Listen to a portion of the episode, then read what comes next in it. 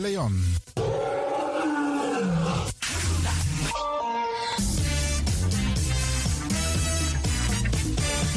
Jouw feest is geen feest zonder DJ Exxon. Wacht niet lang en boek DJ Exxon voor jouw gezellig feest en party. Voor meer informatie gaat u naar djexxon.nl of stuur een mailtje naar djexxonmusic@gmail.com of bel met 064 505 5305. Ja toch? It's party time. Let's do the dance.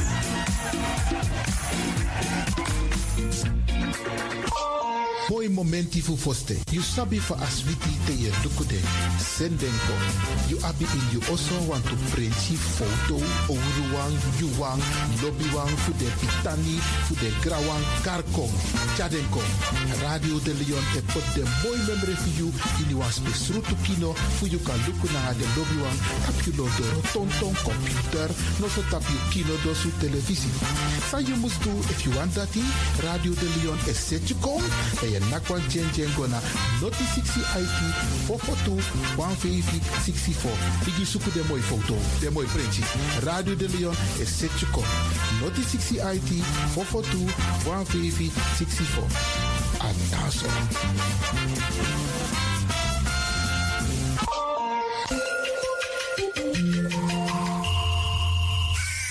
U luistert naar Salto Caribbean FM, kabel 105.5, eten 107.9.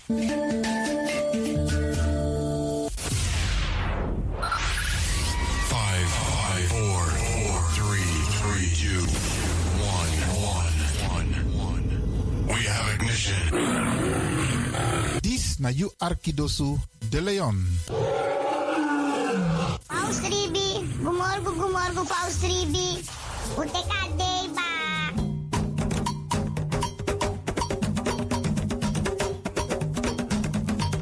Anomi taki, taki fuji, na moro bigi san nani wi libi. Tak tewe ji we kis baka. Tak omoro we ji, omoro we kisi, tak tewe ji we free wis revi taki na ji, en meku gro kontrong leki kankan tri. Ji en no drai luku baka. No aksi en no for wakti tani. Ji en forget tak you ben ji meka ji so de wan prisiri, bika prisiri de ne ji sondro fi suka prisiri. Meki wi kisi na in ji, en ji na in kisi. Mek dentro wan. Anomi tak ala disi. Ala disi, mi leri for you.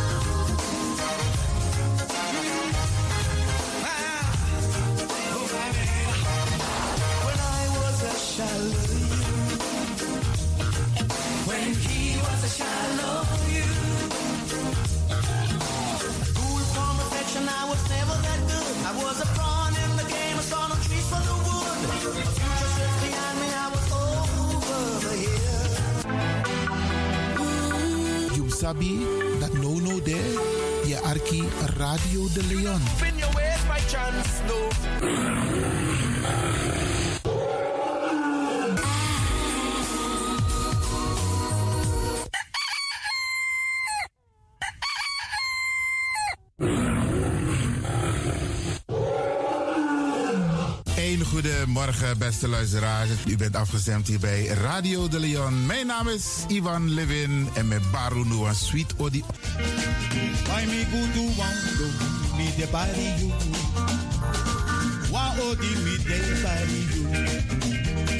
Wala malana wala malana bitawa.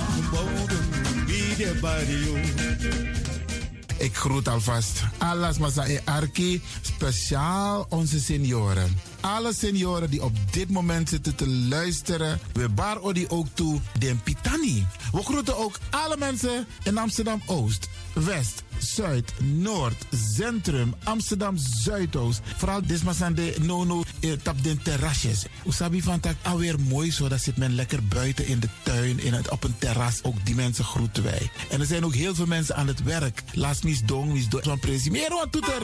Mama daar roko, mama, maar toeter gimme. Sma, dena roko, maar de arki a populaire zender, die is Radio de Leon. En natuurlijk we bar odi ook toe alle desmasande buiten Amsterdam. Deze zender is de populairste zender van Nederland. De Caribische zender. En minetta is zomaar. Waarom? Omdat het de populairste zender is. Er is altijd wat te beleven op deze zender. Dus wij groeten hier vanuit de studio bij Radio de Leon iedereen. Buiten Amsterdam, Rotterdam, Utrecht, Nijmegen, Veenendaal, Groningen, Leeuwarden, Almere, Lelystad, Diemen, Duivendrecht, Amstelveen, Karkong, beste mensen. Alasma, we paar odi hier vanuit de studio. En natuurlijk de mensen buiten Nederland, Europa, Zuid-Amerika, Noord-Amerika. En we vinden het fijn, beste mensen. Fijn dat u de radio hebt aangezet om te luisteren naar Radio de Leon. Met Bar Alasma Odi Sa e Arki Nono de. Ik wens jullie een fijne luisterstemming toe.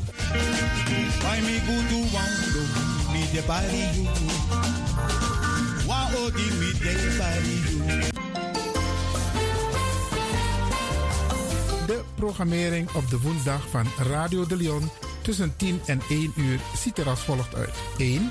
The Rhythm of the Holy Spirit. 2. Een vraaggesprek, actualiteiten en mededelingen. Op de woensdag wisselen de volgende programma's zich af. Kulturu Planga, Tori Bifo en Innerkeer. Dit zijn de programma's die u kunt verwachten van Radio de Leon. Radio de Leon is er voor jou. This is the rhythm of Holy Spirit.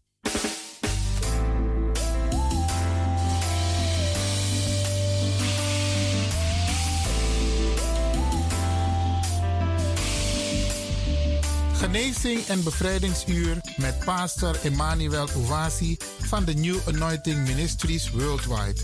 Dit is een nieuwe golf van geestelijke genezing, bevrijding en bekrachtiging. Het seizoen van de nieuwe zalving van God. Maakt u zich gereed voor wonderen met de bediening van pastor Emmanuel Owasi elke woensdagochtend bij Radio de Leon tussen 10 en 11 uur.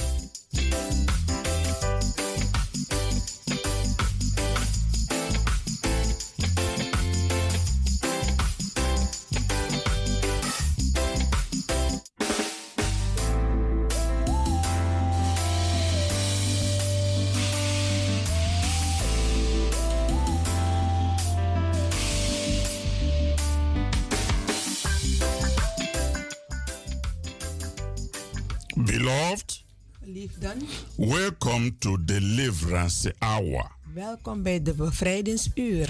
My name is Reverend Emmanuel Uwazi, Pastor naam is Reverend Emmanuel Owazi, the pastor of New Anointing Ministries worldwide. pastor van de Nieuwe Anointing Ministry wereldwijd. Beloved, this is the day that the Almighty God has made, Dus dit is de dag dat de Heer Almachtige God gemaakt heeft. and we will be glad and rejoicing in it, Wij zullen ons daarin verheugen en verblijden daarin. giving glory and honor unto God, our Father, Om te geven glorie en eer aan onze Vader.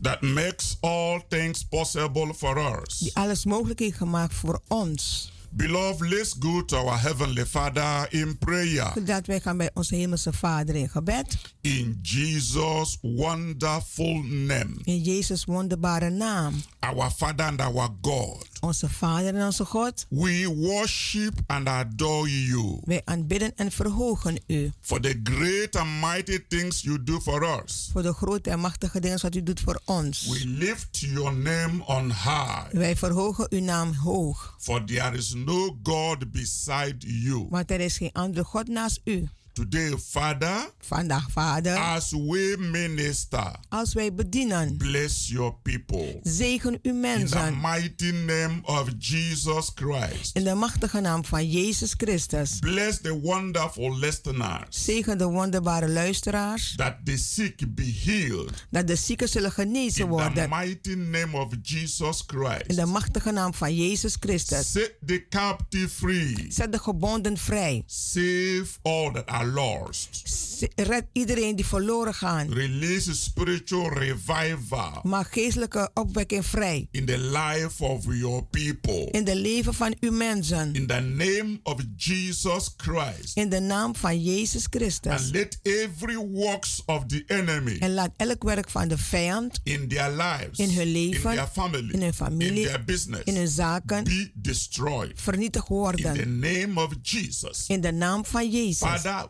I release blessings. Vader, ik maak zegeningen vrij. The blessing of the Lord De zegen van de Heer. that will make them rich Die ze rijk zal maken. and add no sorrow En het brengt geen zorgen ook. to be their portion. Dat hun deel mag zijn. In Jesus' In name. Jezus' naam. Amen. Amen. Beloved, wherever you are, Geliefde, waar u ook zal ben, zijn, listening to this message, luister naar deze boodschap. be blessed. Wees gezegend. Blessing is your portion today. Zegeningen is uw deel vandaag. The theme of the message the Father have given to me De thema van de boodschap de Vader aan mij gegeven heeft. is spiritual problems and solutions part 2. Geestelijke problemen en oplossingen deel 2. Spiritual problems Uh, geestelijke problemen and solutions en oplossingen part 2. Deel 2. Last time I ministered on part 1. De afgelopen keer heb ik bediend uh, deel 1. And because there was a lot of reactions, Er was heel veel reactie hierop. calls, Gebe- ge- opgebeld. Questions Vragen about the revelations over de openbaring of that message. van die boodschap. I'm bringing part 2 of it today Nou, vandaag breng ik deel 2 hiervan. for more revelations, Voor meer openbaring.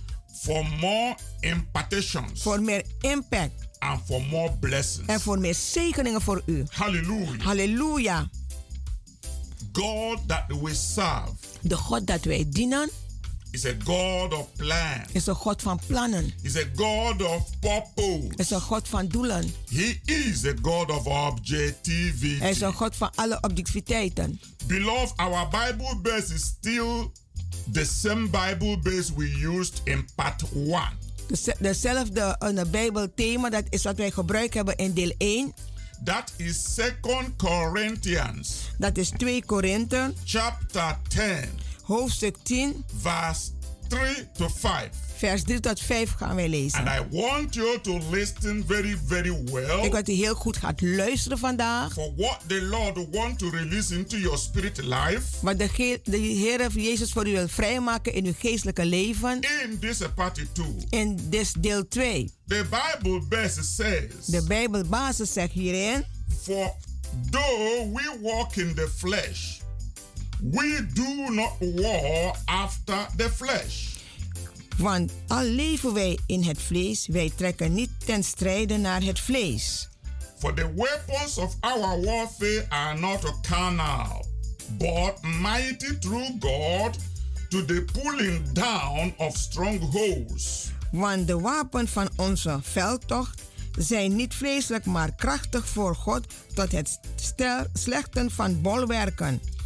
Casting down imaginations and every high thing that exalts itself against the knowledge of God.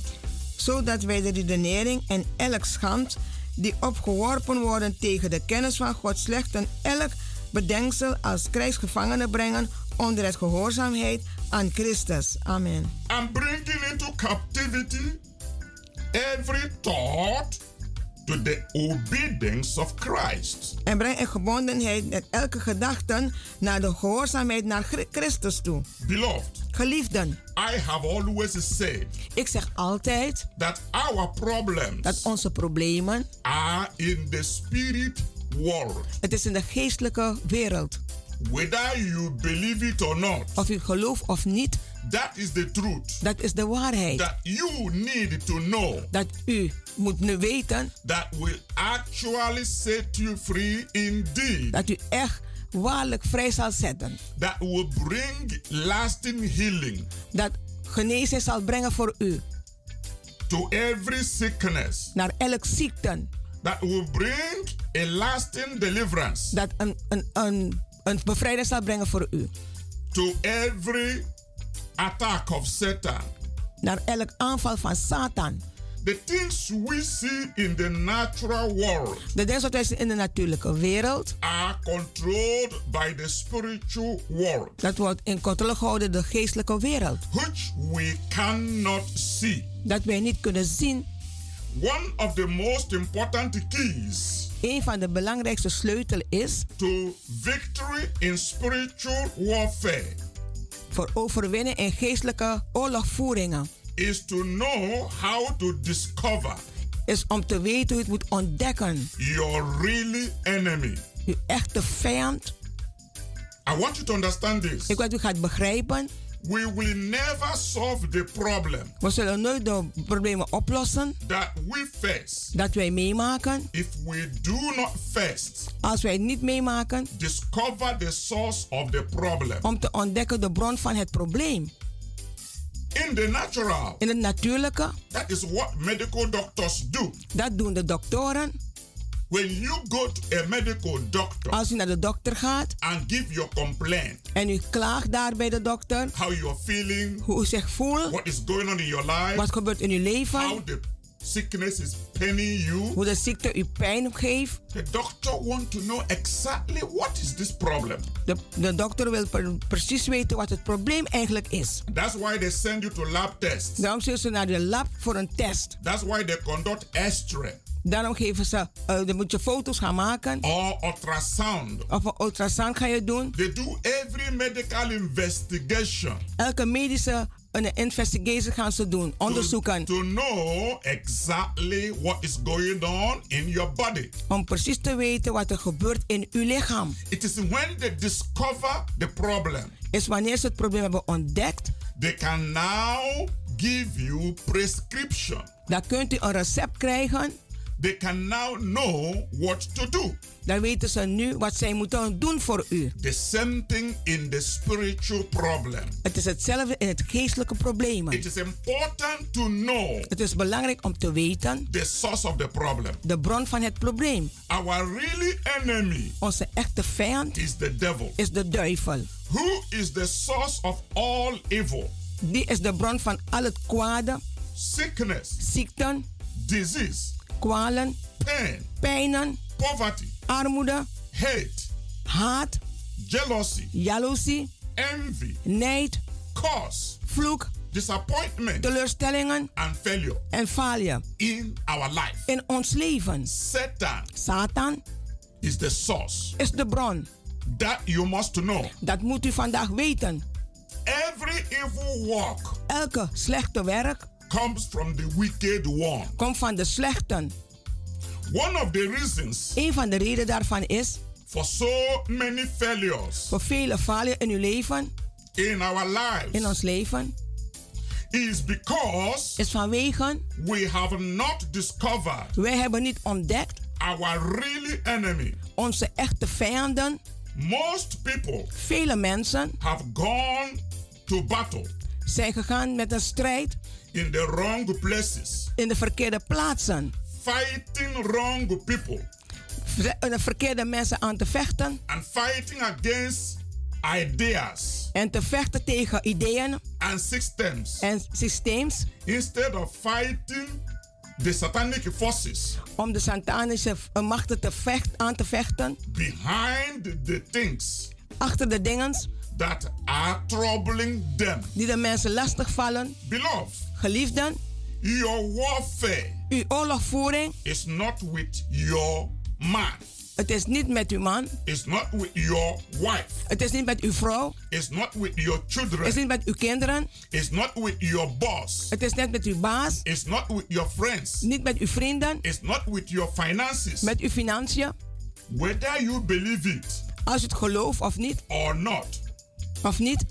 People are not your problem. Mensen zijn niet uw problemen. The system is not your problem. Het systeem is niet uw probleem. The economy is not your problem. De economie is niet uw probleem. The sickness is not your problem. De ziekte is niet uw probleem. The pain is not your problem. De pijn is niet uw probleem.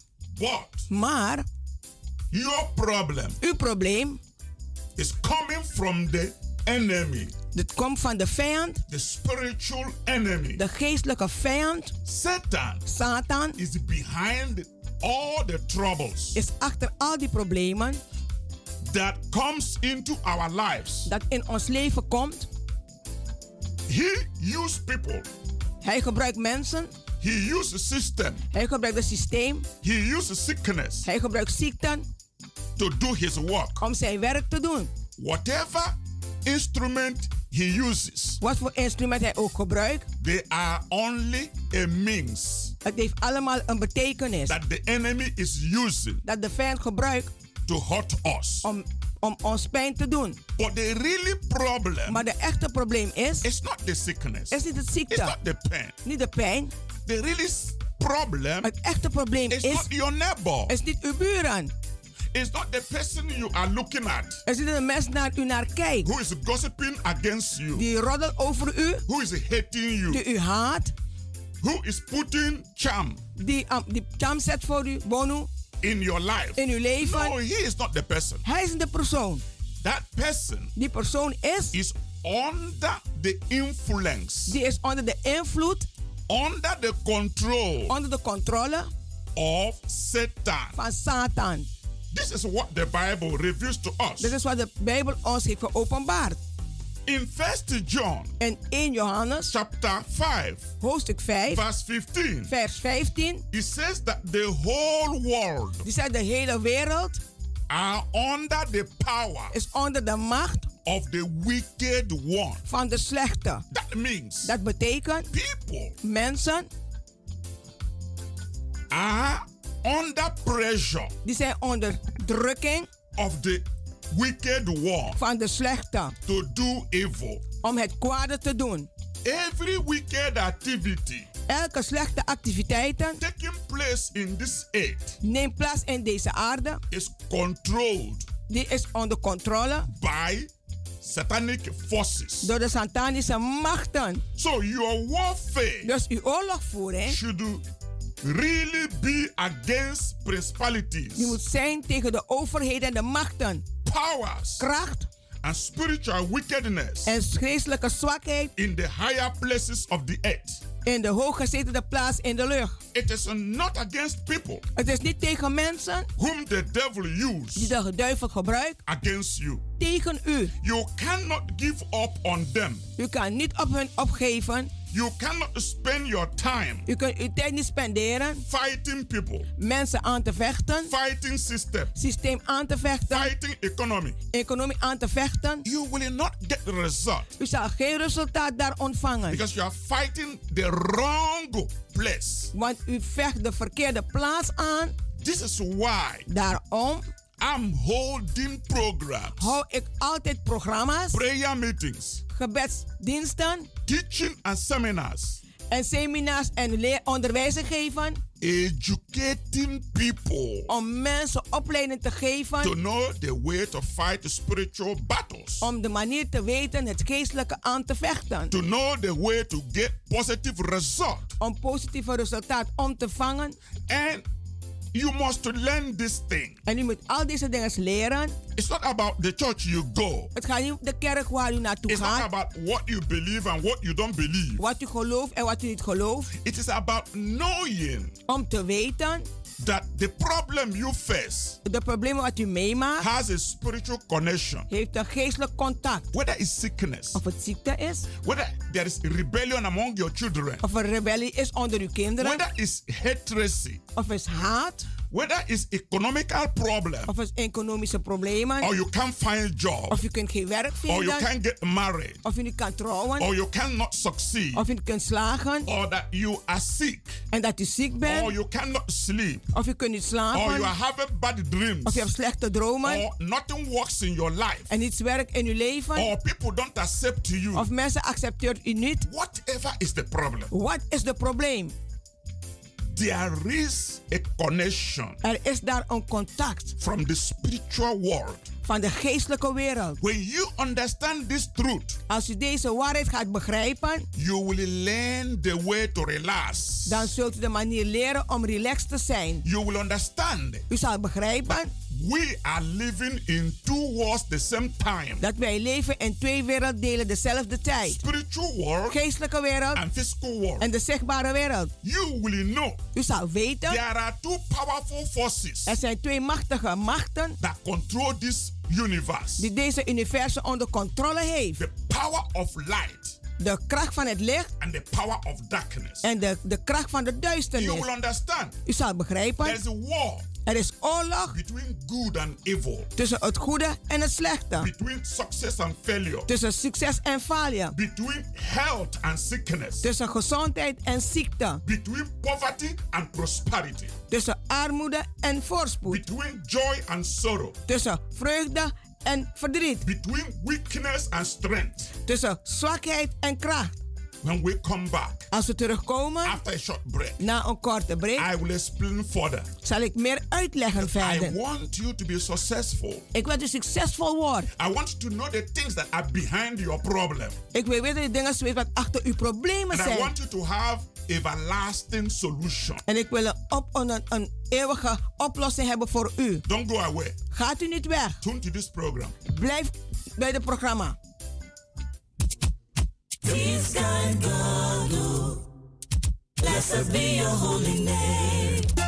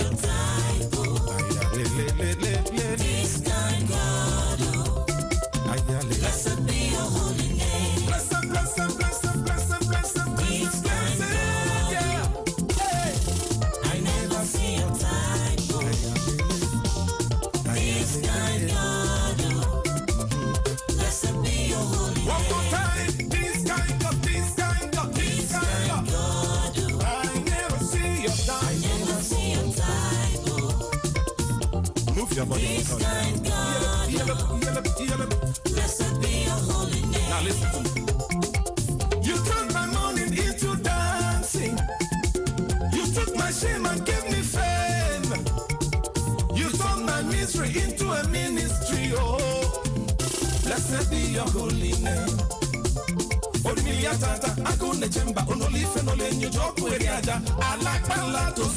Ayero. Ụwa na-abasị, uti babasị, eti abasị, edide mabasị. This guy God, oh. This kind God, oh, I never see your type. I never see your type. Oh, this guy God, oh. This kind God, oh, Blessed, blessed, blessed, blessed, blessed be your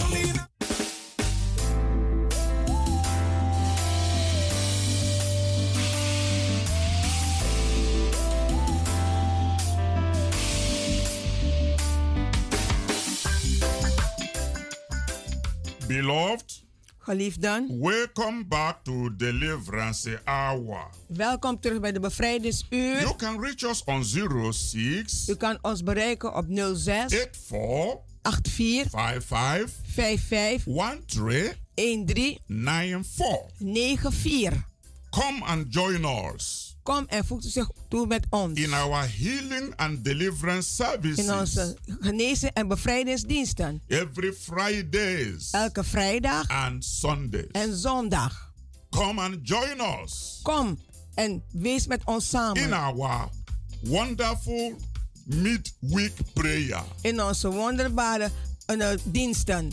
Met middendiensten. Every Wednesday, Elke woensdag we have our prayer meetings hebben wij onze gebedsdiensten. from 7:30 in the evening. Van half acht in de avond.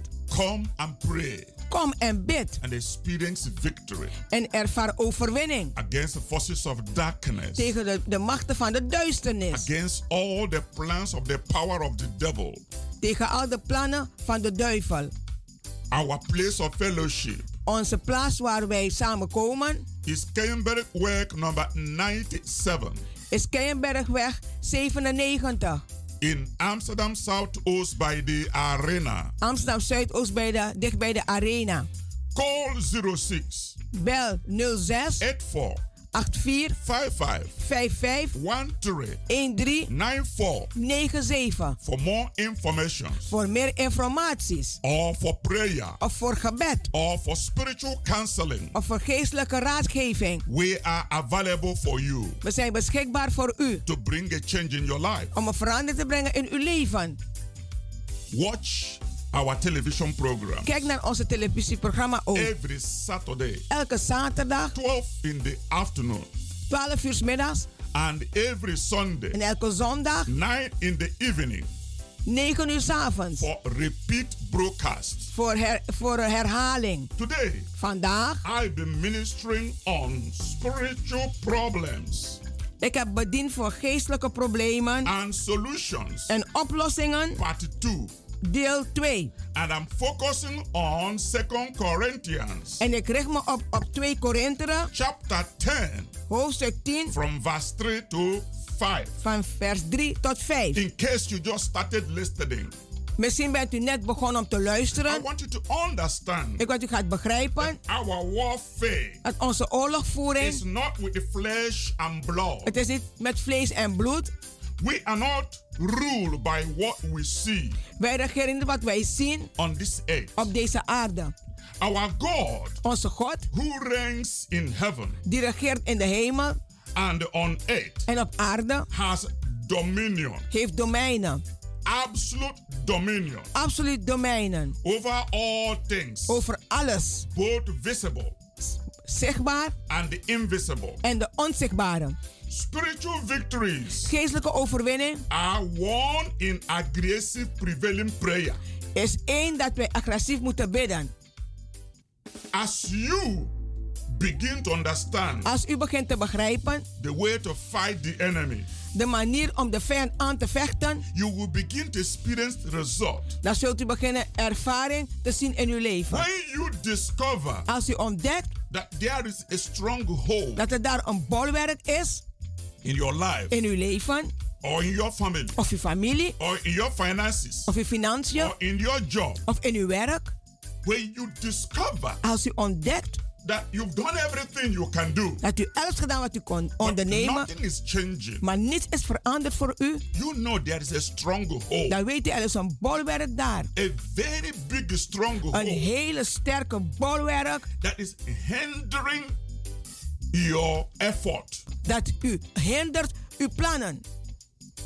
That stronghold Die bolwerk must be pulled down, moet neergehaald worden, must be removed moet verwijderd worden, before you can experience victory. voordat u een overwinning kan ervaren. That's what I'm explaining. Dat is wat ik uitleg nu. You must be able to understand U moet in staat zijn om te begrijpen that the stronghold dat de bolwerken will never go zal nooit gaan until you do something. totdat u iets gaat ondernemen. The Bible tells us De Bijbel zegt tegen ons in James chapter 4, In Jacobus 4, in verse 7, in vers 7. he said, We have to submit ourselves to God. We moeten onszelf onderwerpen naar God That toe. means we must hand ourselves over to We God. moeten onszelf overgeven aan God. That is the beginning. Dat is het begin voor ons. Just the beginning. Het is net het begin voor u. There is a beginning in everything. Er is een begin in alles. Surrender to God. Om over te geven aan God. Then you will be able Dan zal u in staat zijn to resist om te wederstaan the enemy. de vijand. Then he will run away. Dan zal hij wegrennen van u. We can never stand the Satan We kunnen Satan nooit wederstaan on our own strength. op onze eigen kracht. No. Nee. That's why the Bible said Daarom zegt de Bijbel tegen ons: the weapons of our warfare de wapens van onze oorlogvoering. is not carnal Het is niet vleeselijk, because the carnal weapon want de vleeselijke wapen will not be able to destroy the work of the devil zal niet staan om de werken van de duivel te vernietigen. because Satan is strong. Want Satan is sterk, He is in charge hij is bij betrokken of the kingdom of darkness. van de koninkrijk van het He duisternis. rule over Hij regeert daarover, the wicked world. over de slechte wereld. And everything in the world En alles in de wereld is under his power. is onder zijn macht. The only way De enige manier is, you can be able u kan in staat zijn to stand against om daaraan tegen te staan. the powers of darkness De kracht van de duisternis is to surrender to God. is om over te geven aan God. That is the first. Dat is de eerste. The moment Satan discover De moment dat Satan heeft ontdekt that you are not standing alone, dat u niet alleen staat, his kingdom will begin to shake. dan zal zijn koninkrijk beginnen te That's schudden. the first thing. Dat is de eerste ding. Fear will begin to catch him. Dan zal vrees hem aanvallen. He will begin to understand Hij zal beginnen te begrijpen that you are not alone. dat u niet alleen bent, That you are now in the power of the Most High God. dat u nu in de kracht bent van de Allerhoogste God. Beloved, listening to me. Geliefde, luister naar mij. I want you to take your Bible Ik wil dat u uw Bijbel gaat nemen, whenever waar dan ook. and look at Psalm 91 Dan gaat, gaat u kijken naar Psalm 91. and look at verse 1.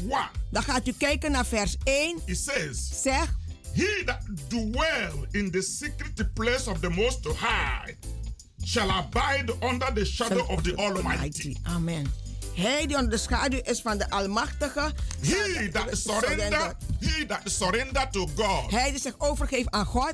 he that give his life to God Hij die zijn leven geeft aan Jezus. and make God En maakt God his protector zijn beschermer. and make God En maakt God. his refuge Hij, hij bevrijdt een, een, een verlossing. and make God En maakt God his helper. zijn hulp. The Bible says De Bijbel zegt. that person will be under the shadow Die persoon zal zijn onder de schaduw of the Almighty God. van de Almachtige God. That is what it takes. Dat neemt het voor u. That is what it takes Dat neemt het to fight Satan. om Satan aan te vechten. Is to run into God. Is om te rennen naar God. The Bible says the name of the Lord De, de naam zegt, de naam des Heren is a strong tower, is een sterke toren. A place of cover, Een plaats van bedekking. a place of protection. Een plaats van bescherming. You see, the righteous, De rechtvaardigen, ziet u. believe in Christ, Degenen die in Christus they geloven. run into it Ze rennen daarin. and they are protected. En ze zijn beschermd They daar. are safe. Ze zijn gered daar. They are secure. Ze zijn daar beveiligd. That's the first step. Dat is de eerste stap dat u moet nemen. Run into God. Ren naar God toe. Take cover. Neem bedekking.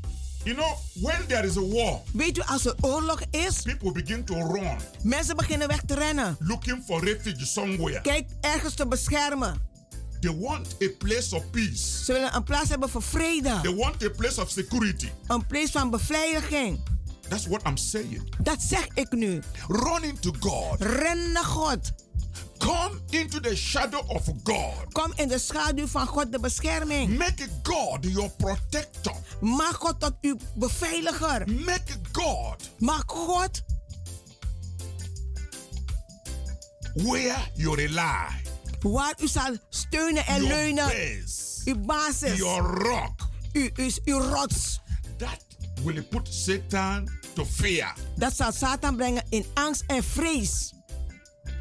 There's a lot of people Er zijn heel veel mensen who want solution, die een oplossing willen who hebben. want deliverance, Die bevrijding willen who hebben. want to healing, Die genezing willen hebben. but they don't want to give their life Maar ze willen hun leven niet geven to Christ. naar Christus. They don't want to run in that power. Ze willen niet rennen daar in die kracht. They just want to pray. Ze willen alleen maar gebed. Just pray for me.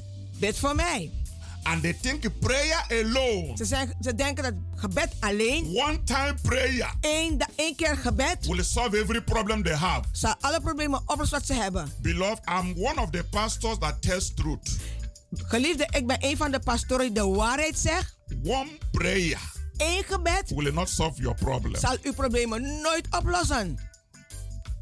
It's just like you go to a medical doctor. Dat als u naar de, dok- naar de dokter You gaat, tell the doctor, just give me, give me pills, give me pills, give me ge- pills. geef me tabletten, geef me tabletten.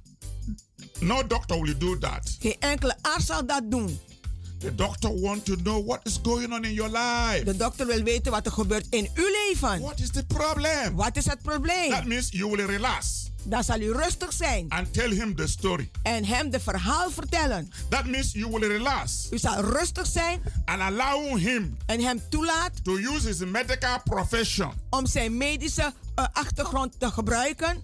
and do investigation. Om te eh, onderzoeken. You can't run to a lawyer's office. U kan nooit naar een kantoor gaan van And een advocaat en zegt tegen de I advocaat: have a problem. Ik heb een probleem. Take me to court. Neem me naar de rechtbank. No. Nee, dat He gaat. want to hear your story. Hij wil uw verhaal horen. He want to know the problem. Hij wil het probleem weten. Then he want to look at the law Dan wil hij kijken naar de wet and see your right en zie uw recht daarin. before he begin to fight for you. Voordat hij begint te vechten voor u. This is the way it works. Dit is de manier hoe het werkt ook. You need the time U hebt tijd nodig to make up your mind om uw gedachten op te to maken. say to yourself, Om uzelf recht te zetten. enough is enough. Genoeg is genoeg, Asari. I've gone through this problem too long. Ik heb deze probleem te lang in mijn I leven. want a solution. Ik wil nu een oplossing. I want a solution. Ik wil een oplossing. And if you want a solution, En als je een oplossing wil hebben, don't be in a hurry. wees niet in haast. Make out time. Maak tijd. Call on my line Bel mijn telefoonlijn op. and then be ready En wees klaar daarvoor. to go through the spiritual prescription I will give you. En ga door die, die geschrift wat ik zal geven, de medische sch- geschrift, geestelijk dan. It's not a medicine. Het is geen medicijn. I say spiritual prescription. Het prescription geestelijke- means to explain, Om uit te leggen, to tell you what you have to do. om u te zeggen wat u moet doen. The guideline, De lijn, like giving your life to Jesus, het als u uw leven hebt gegeven aan Jezus. like trusting the Lord, De Heer te vertrouwen. like building your life Om uw leven op te bouwen in that strong tower, in die sterke toren. so that Satan will be afraid, Zodat Satan bang zal worden. sickness will be afraid, Ziekte zal bang zijn. curse will be afraid, Vloek zal bang zijn. and all those negative energy, En al die negatieve energie. they will get afraid. Ze zullen bang For worden. one time in your life, Voor één, te, één keer in uw leven. evil forces will begin to fear you. Dan zal de, de slechte machten bang zijn voor u. They fear me so much. Ze hebben zoveel angst voor mij. When you send any demon to me, Als u demon naar mij stuurt, that demon will begin to wonder, deze demon zal zich afvragen: what am I going to do with this man? wat ga ik met deze man doen? This man is strong in the Lord. Deze man is zo sterk in de This Heer. man knows his God. Deze, deze man kent zijn God. This man has the word of God. Deze man heeft het woord van God. This man is a prayer warrior. Deze man is een So oorlogvoerder. how am I going to deal with this man? Hoe ga ik met deze man moeten afrekenen? So Satan will tell you, please leave me alone. Satan zou zeggen: Alsjeblieft, laat me met rust. If you want me to attack that man, Als we hebben die man moet aanvallen, do it yourself.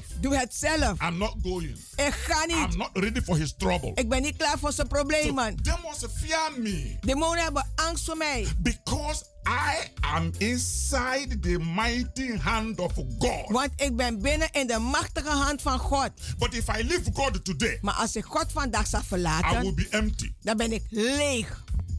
And the devil will arrest me. En de duivel zal me arresteren. He will do whatever he likes. Hij zal doen wat hij leuk But vindt. then the devil will know, say, oh, this man is no longer in God. Dan zal de duivel, deze man is niet langer meer in God. He's on his own. Hij is op zijn eigen So nu. all this charm, Voor al all die, this jam- amulet, al die they will amuletten be throwing it upon my zal head. getrokken worden op mijn hoofd. Voordat je het weet, my head will break. zal mijn hoofd gebreekt worden. This is what I want you to understand. Dit is wat u moet gaan begrijpen. You can never stand on your U own. kan nooit op uw eigen staan. The weapons of our warfare, De wapens van onze they are oorlogvoering, not carnal. ze zijn niet They are not story. Ze zijn geen verhaal. What you know, Wat u weet, what you don't know. wat u niet weet. No. Nee, You must stand in the power of the Lord. u moet staan in de, in de kracht van de Heer. The Bible says, De Heer, de Bijbel zegt, on the whole armor of God, de Bijbel zegt, zet die hele uh, de wapenrusting van God aan, so that you will be able zodat u in staat zal to zijn stand om te staan against evil devices. tegen slechte verdeeldheid. If you can stand on your own, Als u op uw eigen kan the staan, Bible would have told you, zal de Bijbel u gezegd hebben, do it yourself. doe het dan maar zelf. No. Nee, The Bible know very, very well de Bijbel weet heel goed that you can't do nothing on your own. dat u niets op uw eigen kan doen. You need God. U hebt God nodig. And you don't just need God when you have problem. Maar u hebt God niet alleen nodig wanneer u problemen When hebt. you when you need healing. Als u genezing When nodig you hebt, need deliverance. bevrijding nodig When you need a miracle. wonder nodig Then you hebt, need God. dan heb je God That nodig. is not the way. Dat is niet de manier. You can come to God when you have no sickness. U kan bij God komen ook als u geen ziekte When hebt, you have no pain. als u geen pijn hebt, When you have no trouble. als u geen problemen hebt. God is not for people who have trouble. God is voor mensen die problemen hebben. He is for everybody. Hij is voor iedereen. Whether you are sick Of je ziek or you are healthy. of je gezond bent, Whether you are rich of je rijk or bent, you poor. of je arm bent. Whether everything is going fine or not. Als alles goed gaat of niet. You need God in your U life. hebt God nodig in uw This leven. is the truth. Dit is de waarheid. You need God U hebt God nodig. to be your Alpha and Omega. om uw begin en het einde te zijn. To be your healer. Om uw genezer te zijn. You need God U hebt God nodig even before you are sick. voordat u ziek wordt. Even before you have problems. Voordat u problemen hebt. So don't wait until you have problems. Wacht dat u problemen hebt. Because some people think the gospel is for people who have problems. Sommige mensen denken het evangelie is voor mensen die problemen hebben. The, for not knowing God is the, is the biggest problem. Als je God niet kent, is het grootste, is het grootste probleem aan. To trust on yourself is a big problem. Om te vertrouwen op jezelf is al een heel groot probleem. That is a bigger problem. Dat is een heel groot probleem voor u. You must have God in your life. U hebt God nodig in uw leven. Culture will not save you.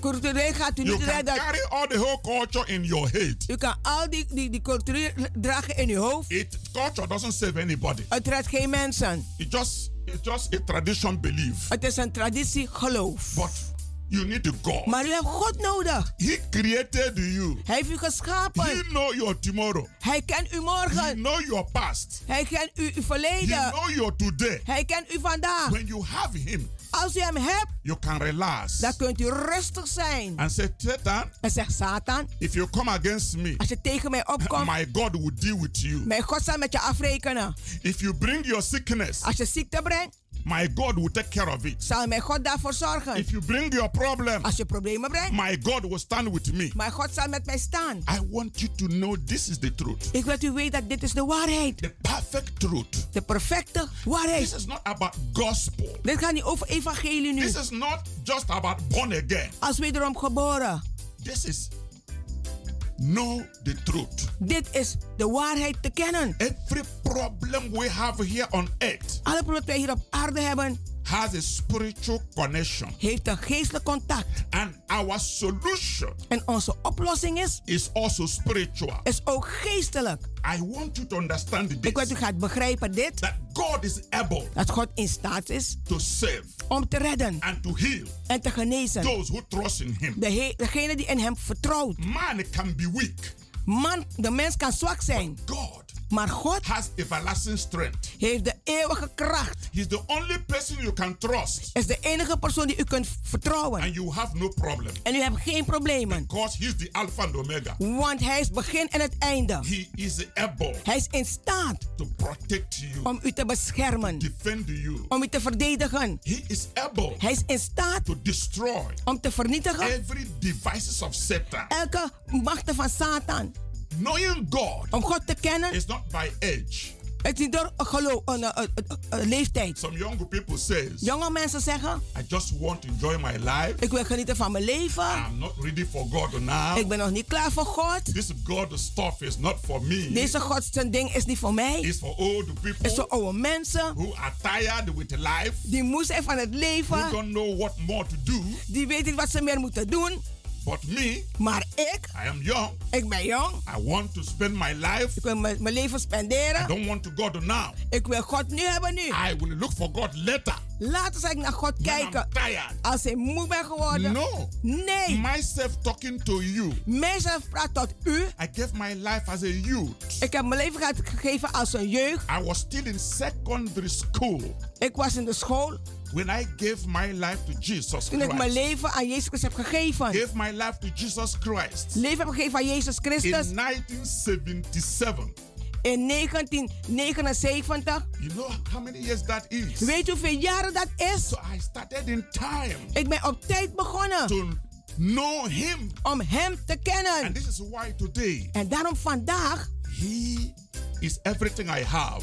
Hij is alles wat ik heb. He's everything I know. Is alles wat ik weet. He's everything I am. Is alles wat ik ben. He's everything I will be tomorrow. Is alles wat ik zal zijn morgen. And in Him, En in Hem I am more than a conqueror. ben ik meer dan een overwinnaar. So, young brothers and sisters, Dus jonge broers en zusters, you need God. je hebt God nodig. As my old brothers and sisters Als mijn oude broers en zusters, need God. net als ze God nodig hebben. Mothers need God. Moeders hebben God nodig. Fathers need God. Vaders hebben God The nodig. rich need God. De rijken hebben God The nodig. poor need God. De armen hebben God The nodig. healthy need God. De gezonden hebben The God nodig. sick need De God. zieken hebben God nodig. Everybody Iedereen receive Christ in your life, ontvang Christus in uw leven. and your joy will be full. Dan zal uw vreugde vol zijn. This is the message Dit is de boodschap that God has given me dat God mij gegeven heeft deliver to you. om u te geven vandaag. Pass this information to your friends, Geef deze informatie door aan uw to your vrienden, family members. familieleden. Bring them this evening. Breng ze vanavond. Today is Wednesday. Vandaag is woensdag. We are having our powerful prayer meeting We hebben onze krachtige gebeds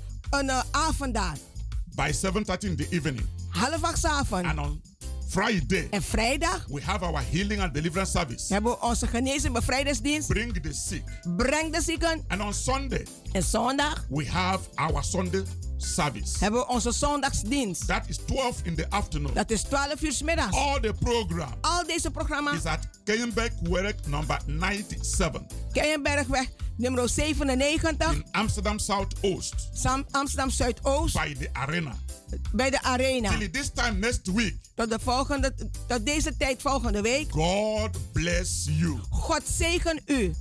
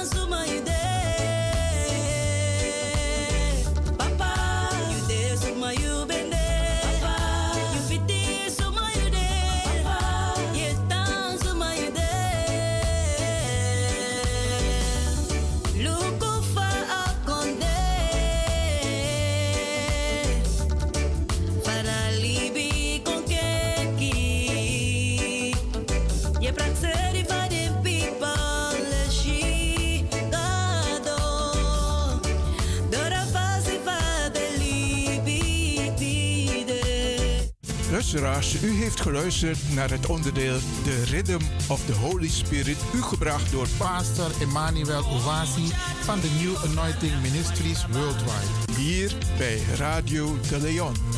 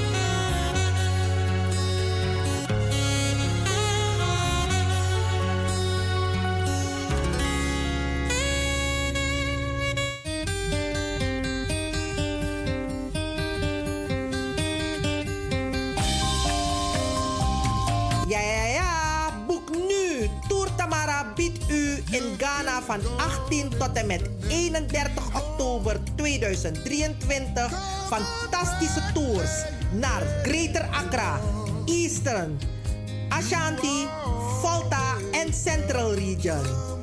Uw ervaren reisleidster Jane Pengel kunt u bereiken op het telefoonnummer 2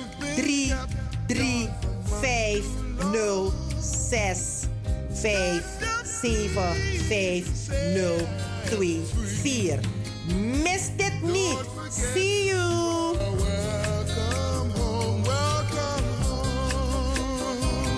Toneel, toneel, toneel. Op vrijdag 7 juli in Eigen Kerk in Amsterdam Zuidoost. Toneelgroep Kwasi Bakrioro presenteert het machtstuk Dorosé Uma. No one is samen delen. Boyo Lafu. Inloop 7 uur, aanvang 8 uur tot 11 uur s'avonds. Samen delen. Voorverkoop van kaarten 15 euro verkrijgbaar bij de Kado's Eethuis, Café de Draver, Bruintje, Sine Berggraaf, Wilgo Blokland, Marion Bona, Tante Thea, Dino Burnett, Cleone Linger, Vivant Gansenpoort en Marta Hyde. Voor info bel 06 13 39 5556. Vrijdag 7 juli. Biggie Biggie toneelsensatie van Kwasi Crioro. In wie eigen kerk in Kromme Hoek 136 1104 KV Amsterdam Zuidoost. Samen delen. Now you make the lobby the States 2023. KIP Multiple Services presents Surinamedag, de New Orleans Trip Surinamedag van 21 juli tot 31 juli 2023. Met bezoek aan de French Quarter, Jackson Square, New Orleans Birth of Jazz en u geniet van een riverboat cruise. Op 22 juli 2023 is het gezellig swingen op de tonen van DJ Blanky en een verrassing. Op 23 juli 2023 vindt de Surinamedag plaats in het park en vervolgen dan met een nieuw Orleans trip en shopping. Voor meer informatie en reserveringen belt u of WhatsApp u naar Gilly Scheier op plus 31 628 540 922. Kenny van Miami plus 31 682 607 150 en USA 7864 876 140 of mail KIP Multiple Services at yahoo.com. Be there, it's gonna be exciting. Orga Kenny van Miami. BIMS Event Spaces. Wist je dat je bij BIMS Event Spaces een zaal voor jouw event kan huren al vanaf 95 euro? BIMS Event Spaces heeft verschillende ruimtes beschikbaar voor kleinere en grotere feesten up to 500 people. Geschikt voor verjaardagen, feesten, kinderfeesten, evenementen, workshops, repetities en fotoshoots. Onze zalen liggen maar op 10 minuten loopafstand van station Belmer Arena. Boek nu. Voor meer info contact BIMS Event Spaces op Facebook, eventspaces.bims op Instagram of neem telefonisch contact met ons op via het volgende nummer 061 295 5673. 061 295 5673.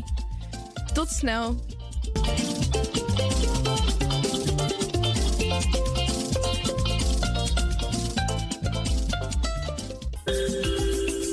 Goed nieuws, speciaal voor diabetes. Dankzij de alternatieve behandelmethode tot 40% minder insuline nodig, vooral bij diabetes. De soproppencapsule, de bekende insulineachtige plant, in een capsulevorm. Deze soproppencapsule wordt gebruikt bij onder andere verhoogde bloedsuikerspiegelgehalte, cholesterol, bloeddruk en overgewicht. De soproppencapsule werkt bloedzuiverend en tegen gewrichtstoornissen. De voordelen van deze soproppencapsule zijn rijk aan vitamine, energie en het verhoogde weerstand tegen oogziektes, wat heel veel voorkomt bij diabetes.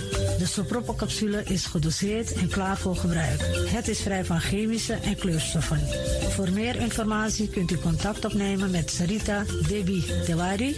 Telefoonnummer 061 543 0703. 061 543 0703.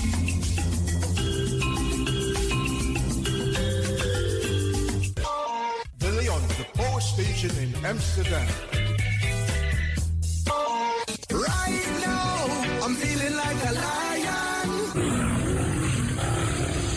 Na dapper strati, a voyo, bij Moesop Sana Melis you kan vinden alles aan sa van Odu. De volgende producten kunt u bij Melis kopen. Surinaamse, Aziatische en Afrikaanse kruiden. Accolade, Florida water, rooswater, diverse Assange smaken. Afrikaanse kalebassen, bobolo, dat na cassavebrood. Groenten uit Afrika en Suriname, verse zuurzak, yamsi, Afrikaanse gember, Chinese taier, we karin kokoyam van Afrika, kokoskronten uit Ghana, ampeng, dat naar groene banaan, uit Afrika, bloeddrukverlagende kruiden zoals white hibiscus, naar red hibiscus, tef, dat nou een natuurproduct voor diabetes en hoge bloeddruk en ook diverse vissoorten zoals bachao en nog veel meer. Kom gewoon even langs. Sakona Melis Winkri Tapuna Boyo. Melis Tropical voor African, Asian en Caribische producten. Dappermarkt aan de Dapperstraat 289 in Amsterdam Oost. Telefoonnummer is 064 256 6176 of 065 091 2943. Melis Tropical.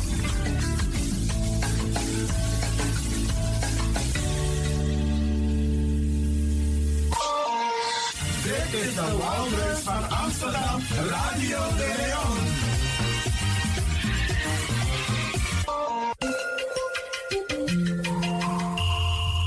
Je luistert naar Caribbean FM, de stem van Caribisch Amsterdam. Via kabel salto.nl en 107.9 FM in de ether.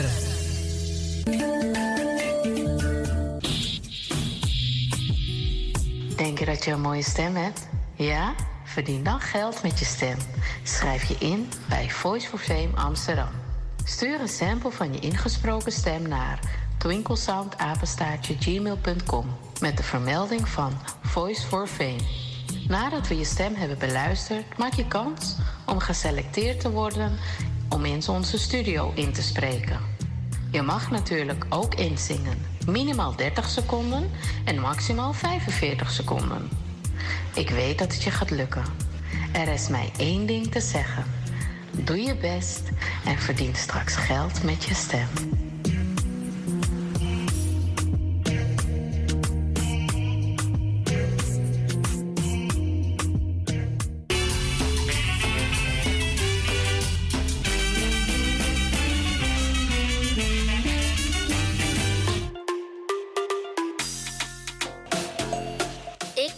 Jaël Leeuwin. Ik ben 14 jaar en ik luister nog steeds naar Radio De Leon. Net als een paar jaar geleden. Dus beste luisteraars, blijf ook luisteren, want het doet je goed.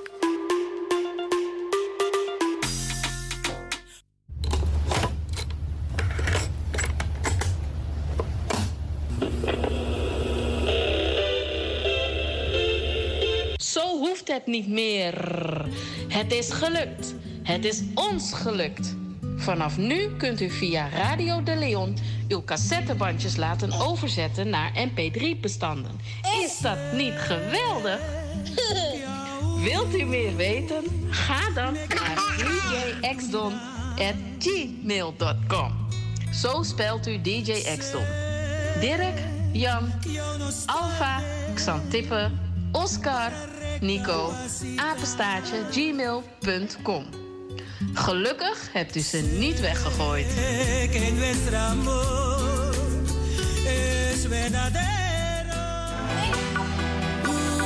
You sabi that no no there, je arki Radio de Leon.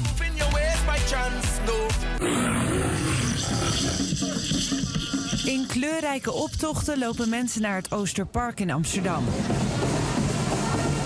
Daar staat het Nationaal Monument Slavernijverleden en vindt ieder jaar de herdenking plaats. Omdat het 150 jaar geleden is dat Nederland stopte met de slavernij, is er dit jaar extra aandacht voor. In Nederland wonen veel mensen met voorouders die tot slaaf gemaakt waren.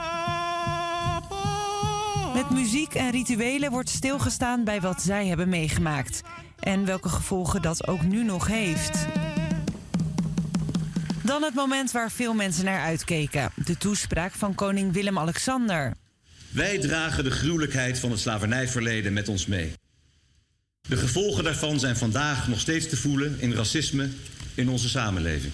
Op 19 december vorig jaar heeft de minister-president namens de Nederlandse regering excuses aangeboden voor het feit dat mensen in naam van de Nederlandse staat eeuwenlang tot handelswaar zijn gemaakt, zijn uitgebuit en mishandeld.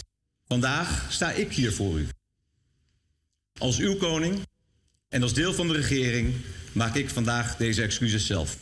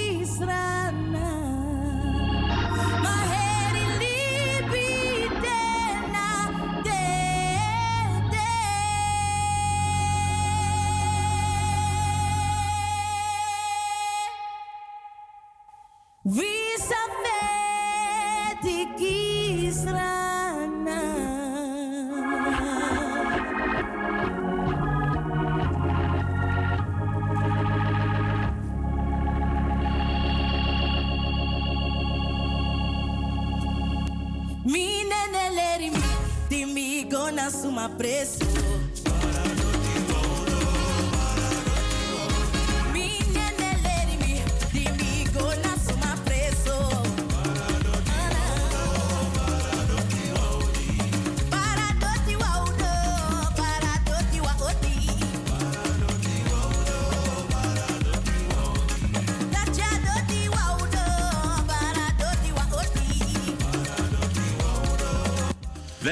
De gruwelijkheid van het slavernijverleden met ons mee. De gevolgen daarvan zijn vandaag nog steeds te voelen in racisme in onze samenleving. Op 19 december vorig jaar heeft de minister-president namens de Nederlandse regering excuses aangeboden voor het feit dat mensen in naam van de Nederlandse staat eeuwenlang tot handelswaar zijn gemaakt, zijn uitgebuit en mishandeld. Vandaag sta ik hier voor u. Als uw koning en als deel van de regering maak ik vandaag deze excuses zelf.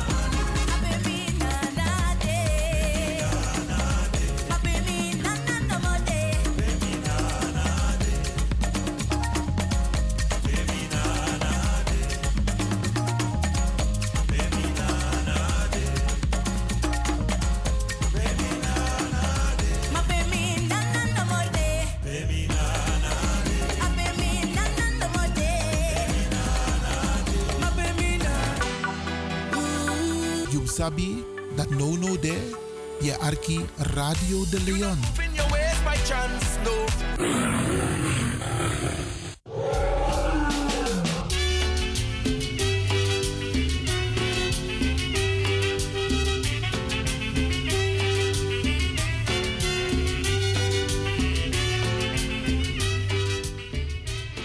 Brada nanga sisa. Misabi takwan losma dena osono no de. Bijna alles ma ci stap en mobiel. Wan boskopu fulanti van tagieren no. Awareness witi. A winter waai storm. En geen tijden zo'n storm gehad overdag. Untana osso. Ja, beste mensen, blijf thuis. En als u zo thuis bent, dan is het de taak van Radio de Leon om u te bedienen. Om Oesaptakwe Arki. En vanavond, tide, woensdag 5 juli, dan wan koma kandra o de baka in a Tweede Kamer over AAOW Tori. Ik ga u daar deelgenoot van maken. Ik ga u informatie geven, want u sabi van tak. Alale zitten AAOW Tori, dit talmenti undape. Ja, Iwan Lewin is er altijd. En ehm, als u wilt gaan, eh, check de website van de Tweede Kamer. Bezoek contact. Dan kun je je aanmelden als je er naartoe wilt gaan. We hebben geen bus geregeld voor mensen, ook toe vanwege alweer. En eh, als iedereen wil gaan, moet hij dus op eigen houtje gaan. Vanavond in de Tweede Kamer, vanaf 8 uur, dan is de discussie in de Tweede Kamer plenair. Dat nataki in Abigi, Tweede Kamer, camera niet in de commissiekamer, maar in de plenaire zaal. Ze noemen het twee minuten debat. Ik wil niet zeggen dat het twee minuten maar gaat duren, maar dat is de, de, het proces in de Tweede Kamer. Te tori etaki in een commissiekamer en de eh, Kamerleden niet tevreden zijn met het antwoord van de minister, dan gaat het naar de plenaire zaal. Plenaire zaal, dat wordt taki, de algemene zaal, de algemene vergadering. En daar wordt het vanavond dus besproken. AOW. En ook meteen, en ook natuurlijk over het voorstel van de minister. Want ze wil alleen maar praten over die, die 5000 en voor de rest is het voor haar over en uit. Er zijn zoveel argumenten naar voren gebracht, beste mensen. Zoveel argumenten. Adjeselijk op dat regering die is normaal wiki ete. Er zijn meer dingen die ik met u wil gaan bespreken. Ja, ook over het slavernijverleden. Want lees met mij mee op de website van Mondriaan Fonds. Daar staat duidelijk, Bradangasa, dat Afonso Sademang stellen beschikbaar die aan Nederlands slavernijverleden, dat het ook is voor 150 jaar contractarbeid. Over en over hebben, wij de, hebben we de regering duidelijk gemaakt. Hou die dingen gescheiden.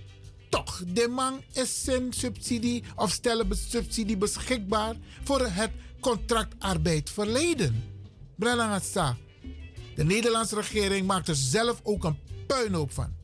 Luistert u naar de Kamerleden in het debat met de minister vorige week tijdens het, de commissievergadering Sociale Zaken en Werkgelegenheid toen het ging over de AOW. Met name aan minister Taki.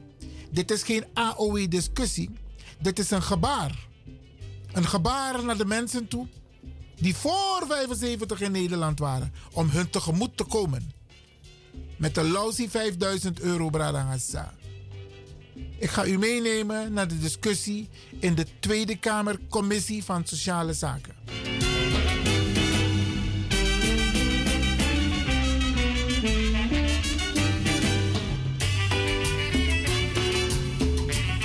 Goedemorgen, ik open hier bij de vergadering van de vaste commissie voor Sociale Zaken en Werkgelegenheid. Aan de orde is het commissiedebat over de tegemoetkoming aan Surinaamse Nederlanders met een onvolledige AOW-opbouw. Ik heet de minister voor Armoedebeleid, Participatie en Pensioenen van harte welkom, evenals haar ondersteuning. Uiteraard een warm welkom aan de Kamerleden. Dat zijn de heer Van Baarle van de fractie van Denk, mevrouw Katman van de PvdA, de heer Van Wijenberg D66, de heer Smals VVD, mevrouw Palland CDA, de heer Seder van de ChristenUnie en ik zie mevrouw Den Haan binnenlopen van de fractie Den Haan. En ook het naambordje van mevrouw Simons, Sylvana Simons. Ze zal, ja, en ze loopt nu ook binnen. Ook een warm welkom aan de mensen op de publieke tribune en de kijkers thuis. We hebben spreektijden afgesproken van vier minuten per fractie. En ik geef graag. Ik zou willen voorstellen dat we vier vragen doen in de eerste termijn richting elk ander. En dan kijken we uiteraard zoals altijd even wat de tijd ons brengt om te bepalen hoeveel vragen we kunnen stellen aan de minister. Het woord is aan de heer Van Baarle van de fractie van Denk. Voorzitter, Nederland heeft Suriname eeuwenlang leeggeroofd. Aan deze koloniale uitbuiting heeft Nederland miljarden verdiend. En mensen zijn op een mensonterende wijze tot slaaf gemaakt. De tot slaafgemaakten moesten na de afschaffing van de slavernij vervolgens tien jaar lang verplicht doorwerken omdat de Nederlandse regering de plantagebazen zieliger vond dan de tot slaafgemaakten. De criminele plantagebazen kregen van de regering zelfs compensatie. Een van de doorwerkingen van dit verleden is dat meer dan 30.000 Surinaams-Nederlandse ouderen onvolledige AOW hebben. Want Nederland weigert de jaren die mensen als rijksgenoot in Suriname hebben gewoond mee te tellen voor de AOW-opbouw. Een slinks en discriminerend onderscheid. Met als gevolg dat Surinaams-Nederlandse ouderen onrecht is aangedaan en in armoede leven. Een onrecht en een ereschuld. Mensen waren bij de onafhankelijkheid van Suriname in de veronderstelling dat ze altijd al Nederlander waren. En als ze ervoor kozen om naar Nederland te vertrekken, hoorden ze dat ze alle rechten en plichten kregen. Maar wat kregen ze in de praktijk? Jarenlang onrecht en armoede. Voorzitter, het is goed dat er nu een gebaar komt Maar de regering probeert dit onrecht nu weg te poetsen met een fooi. Met een eenmalig gebaar van 5000 euro wil de Nederlandse regering een einde maken aan de discussie, zo schrijft ze. Ik kan u verzekeren dat voor Denk dit niet het einde, maar het begin van de discussie is. Dit stopt niet totdat iedereen krijgt waar hij of zij recht op heeft. Namelijk het volledige bedrag dat men is misgelopen. Want ik vraag aan de minister, hoe onrechtvaardig is het niet... dat mensen die een bedrag van bijna 2 miljard zijn misgelopen... slechts 120 miljoen krijgen. Het is maar 6 procent. 6 procent van de totale schade. schade. Een schaamteloze fooi. De plantagebazen die tot slaafgemaakte hielden... krijgen meer compensatie van de regering... dan de mensen die met de gevolgen van dat verleden moeten leven. De criminele plantagebazen kregen destijds 10% van de toenmalige rijksbegroting. En de mensen die met het gevolgen van de gevolgen van dit verleden nu te maken hebben... krijgen nu een kruimel. Het is schaamteloos. Daarnaast probeert de regering met slinkse eisen... de groep mensen die recht hebben op het gebaar zo klein mogelijk te maken. Waarom de eis dat men voor de onafhankelijkheid naar Nederland moet zijn gekomen? Wat doen we met de mensen die daarna zijn gekomen? En de mensen die in de vijfjarige overgangsperiode zijn gekomen? Waarom de eis dat men 18 jaar moest zijn? Wat doen we met de jongeren die meekwamen en met de jongeren die de regering zelf wierf om naar Nederland te komen? Waarom 25 jaar in Nederland moeten wonen? Dat is toch arbitrair? Het zijn gewoon pesteisen van een regering die zich gierig opstelt. We lezen dat de SVB op zijn vroegst op 1 juli 2024 kan gaan uitvoeren. Beseft de minister dat de groep ouderen letterlijk steeds kleiner wordt en dat dit te laat is? Een jaar nog wachten. Mensen die overlijden letterlijk. Wat doen we eigenlijk voor al die ouderen die dit niet meer mogen meemaken omdat de regering zo lang heeft gewacht? Mensen die helaas inmiddels al zijn overleden. Zouden hun nakomelingen eigenlijk dit bedrag niet moeten krijgen?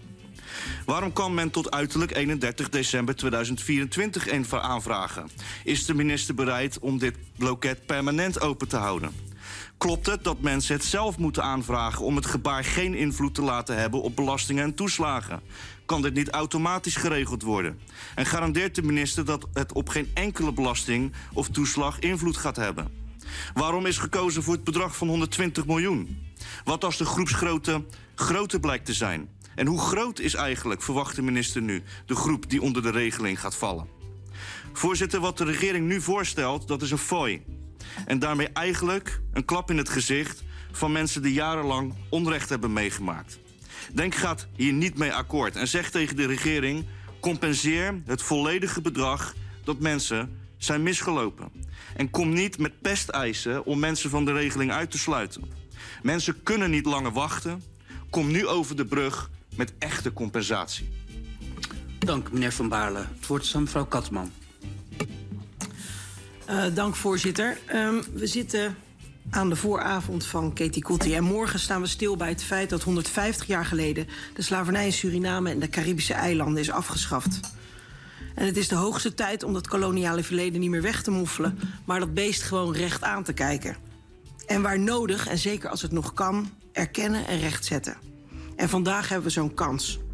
Een van de vele naweeën van het koloniale verleden is het AOW-gat van Surinaamse Nederlanders. Mensen geboren als Nederlander in Suriname die bewust bij de onafhankelijkheid Suriname inruilden voor Nederland om hun Nederlanderschap te behouden, met alle bijbehorende rechten en plichten. Waaronder een fatsoenlijk pensioen, maar ze kwamen bedrogen uit. De jaren in Suriname tellen niet mee voor de AOW-opbouw. Niks gelijke rechten. Dat scheelt soms honderden euro's per maand. Jarenlang trokken ze ten strijde voor hun recht op gelijke behandeling. Jarenlang stuiten ze op de ene na de andere juridische doodlopende weg. Maar het gaat niet om juridische kwestie hier. Het gaat om een morele kwestie. Hoe kunnen we recht doen? Dat is eigenlijk de vraag die vandaag voor ligt. En ja, ik ken de adviezen van de Raad van State. Maar hoe zijn we gekomen van de suggestie uit het rapport Sylvester om het AOW-gat, als het niet helemaal gedicht wordt, in ieder geval te compenseren per 1 juli 2021 tot dit eenmalige bedrag van 5000 euro?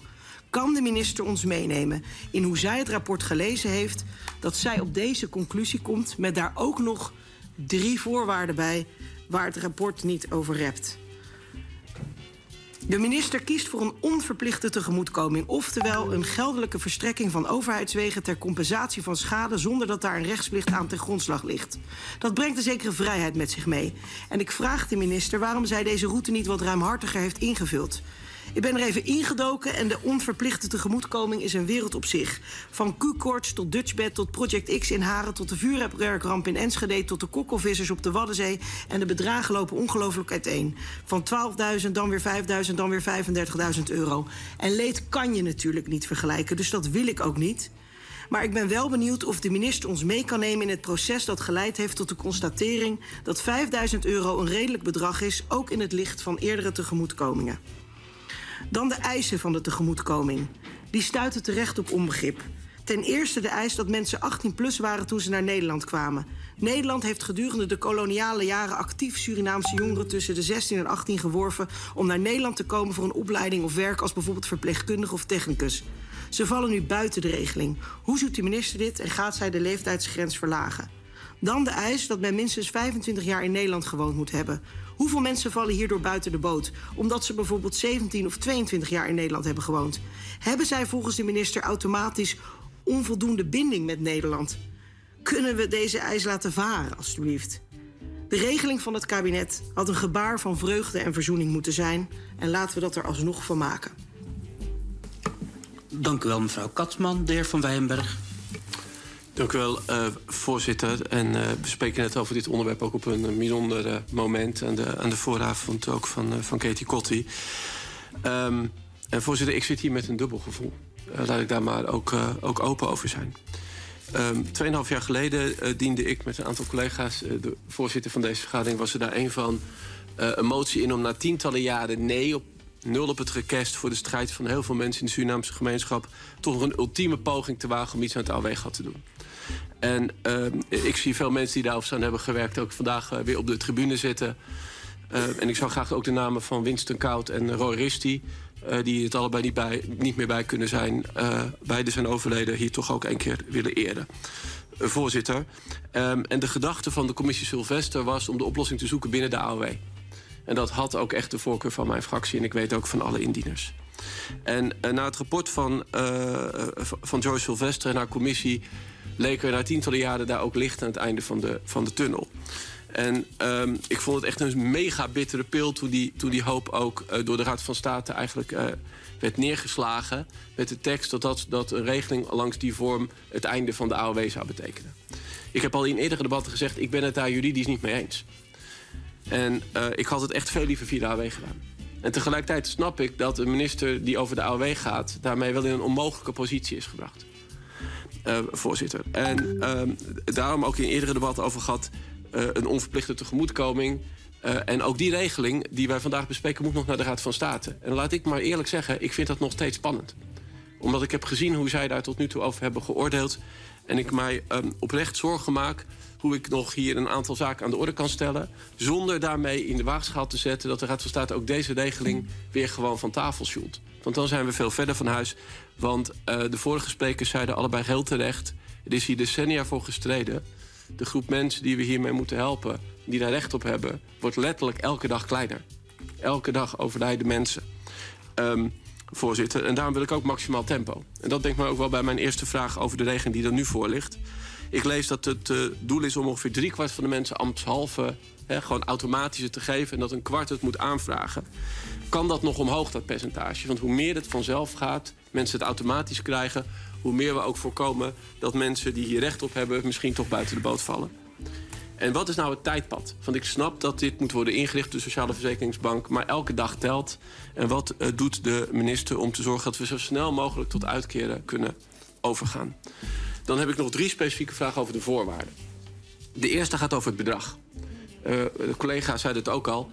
Leed met leed vergelijken is een onmogelijke uh, opgave.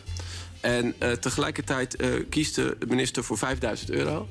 Volledig vrij van elke eis rondom de toeslagen. Graag ook die bevestiging. ook de eerste jaren niet meetellen in de vermogenstoets voor de AIO. Um, kan ze nog een keer toelichten hoe ze nou tot dit bedrag kwam? Um, in de wetenschap dat nooit leed met leed te vergelijken is. Maar uh, ik denk dat het belangrijk is om het daar nog over te hebben. De tweede gaat over de leeftijdsgrens. Collega's zeiden dat al. Uh, uh, zeker voor de onafhankelijkheid, een groep vaak meisjes... die op 16, 17-jarige leeftijd werden geworven. Bijvoorbeeld in de zorg, maar ook in de techniek is ze geworven door werkgevers. vanwaar die 18-grens? Ik snap het concept dat je zelf moet hebben gekozen om naar Nederland te komen... eh, naar Europees Nederland eh, toen. Maar is, dat, ehm, is er echt niet wat nog aan die grens eh, te doen? En dezelfde vraag heb ik over de 25-jaars-eis. Ik snap de zoektocht naar binding.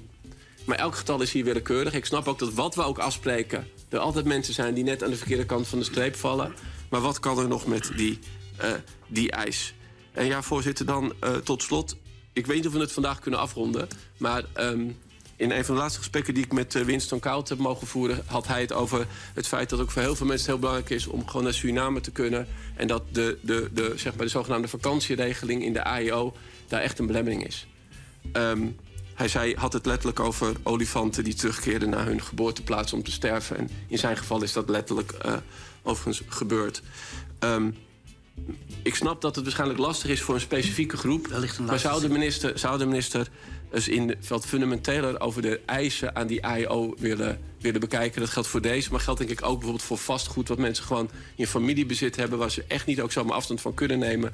Emotionele binding mee hebben. Die twee punten zou ik graag ook nog op de agenda willen zetten. Dank u wel, voorzitter. Mevrouw Simons.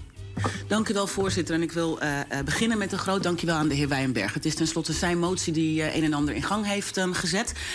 Um, en hoewel er veel te veel tijd overheen gaat, we spreken erover en we komen langzaam tot een apotheose.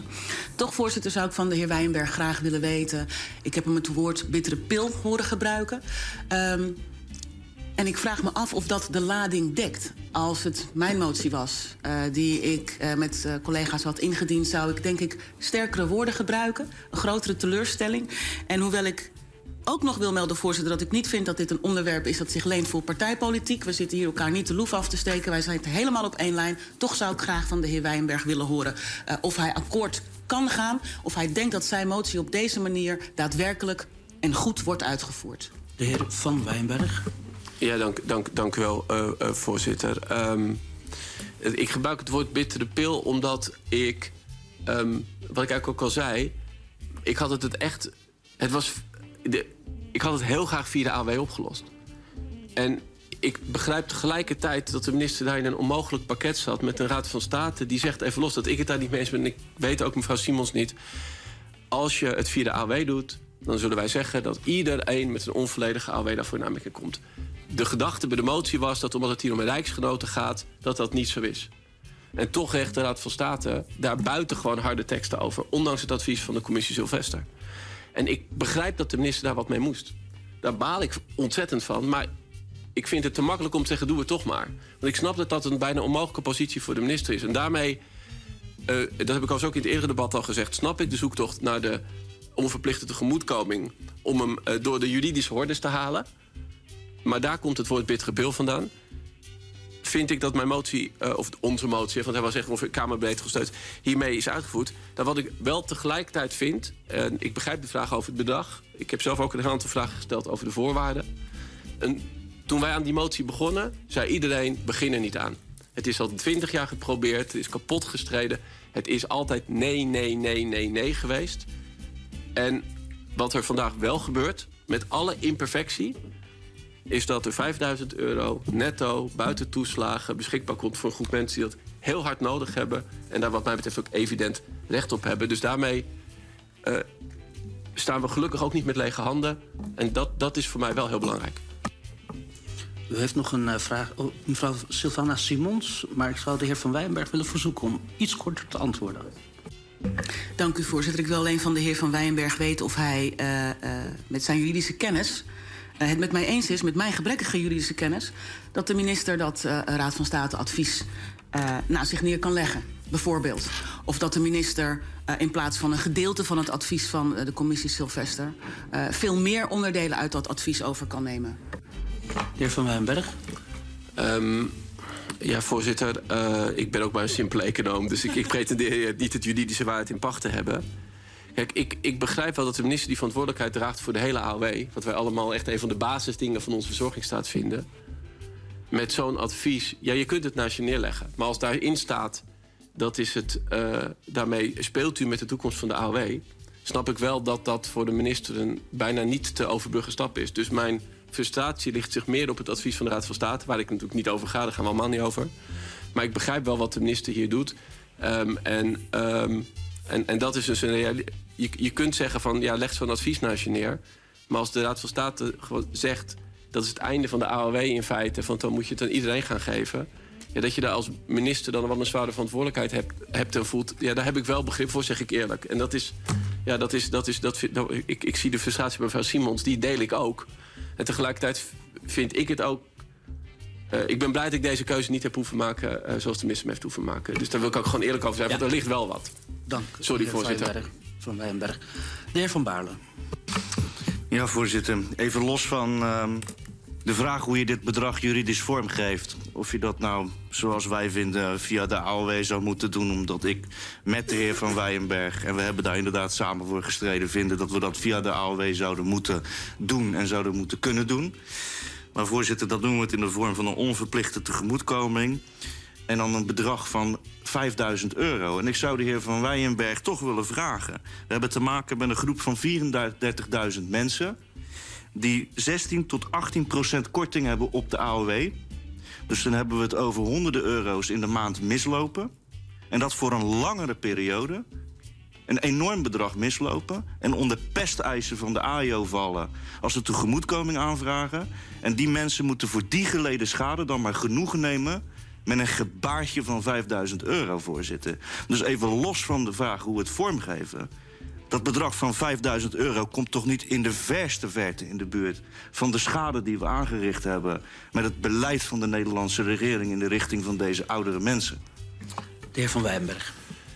Ja, eh, voorzitter, ik heb zelf ook vragen gesteld over dat bedrag. Het is, het is, het is 5000 euro, het valt niet onder toeslagen, het is netto. Het is, dit is een serieus bedrag, 5000 euro is veel geld. En tegelijkertijd, de, de groep mensen die geraakt is, heel, heel divers. En daar zitten inderdaad mensen bij met jarenlang groot tekort... waar dit niet het hele bedrag dekt. Daarom had ik het veel liever gericht via de AOW gedaan. Ehm, en, eh, en dan kom je in een soort onmogelijk... Dit, het wordt, als ik de minister goed begrijp, nu onder een regime gevat... en dan moet je het gaan vergelijken met allerlei ander leed... wat natuurlijk ondoenlijk is. Ik, ik las eh, wat er is gebeurd eh, bijvoorbeeld met slachtoffers van seksueel misbruik in de, in de jeugdzorg.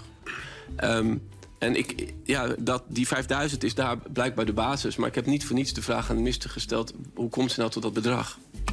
De heer Van Baarle. Ja, voorzitter, ik ben niet benieuwd naar de vragen die de heer Van Wijenberg stelt. Ik ben benieuwd naar de positie van de heer Van Wijenberg. We weten uit het advies van de Raad van State dat het bedrag dat mensen zijn misgelopen door het uitsluiten wat de Nederlandse regering heeft gedaan, dat de jaren in Suriname niet meetellen voor de AOW, dat dat 2 miljard is ongeveer. 2 miljard euro. En de regering besluit nu 120 miljoen vrij te maken. Dus dat betekent 6 procent.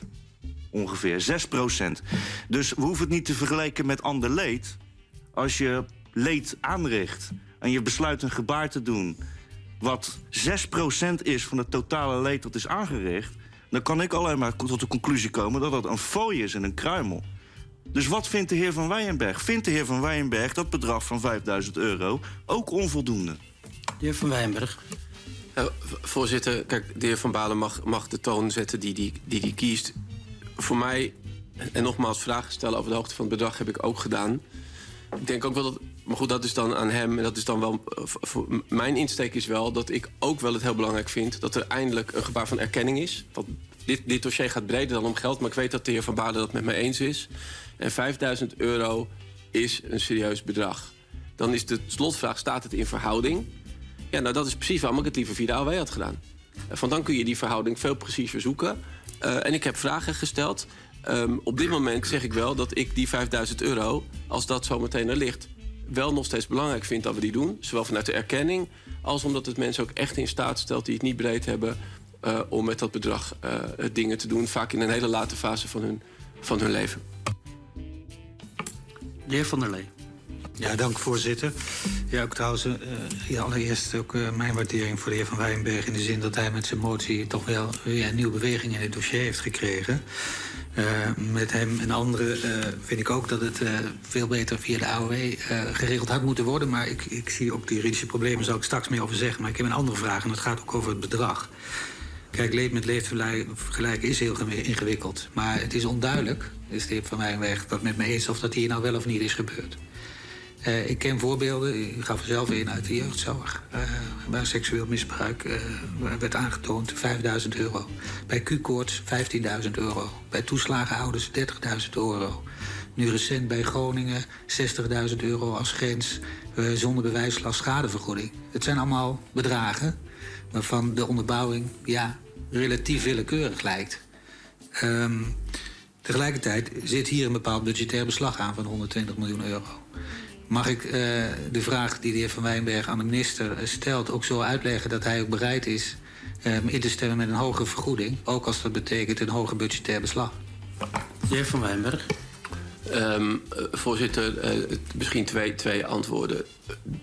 In de, de terechte constatering van collega Van Lee, dank overigens voor de vriendelijke woorden, zeg ik ook nog tegen mevrouw Simons in haar, eh, haar inbrengen richting mij. Ehm, maar die 5000 euro, als ik de toelichting op, eh, op wat er nu ligt goed begrijp, eh, zegt de minister dat ze dit met een aantal regelingen vergelijkt die ook in die orde van grootte zitten. En om dat nader toe te lichten, als precies mijn vraag, en volgens mij is dat ook precies de vraag. Waarbij dit in, is dit een ander regime dan bijvoorbeeld het Groningen regime? Uh, maar terecht de vraag, exact de vraag die ik ook heb gesteld. Ja, dan over het geld. Kijk, uiteindelijk moet je alles betalen. Maar de keuze hier en uh, in een tijd van bezuinigingen... en dat is voor dit dossier niet de zaken... vond ik het toch wel belangrijk dat het gelukt is om dit uh, uit het kabinet te krijgen. Laat ik het toch ook zo dan maar formuleren. Um, is in de gesprekken die ik daar in de aanloop over heb gehad... Hè, dat als coalitiepartij een beetje, is dat soms zo, maar ook gewoon open over zijn hier is voor mij de, het vertrekpunt nooit een budgettaire vraag geweest. Het vertrekpunt is geweest, wat houdt juridisch stand? En is er in alle onvergelijkbaarheid iets van een titel? Nou, en ik heb daar vragen over, over die 5000 euro. Maar dit is voor mij nooit een budgettaire vraag. Uiteindelijk moet je dingen altijd ook betalen. Gratis geld bestaat niet.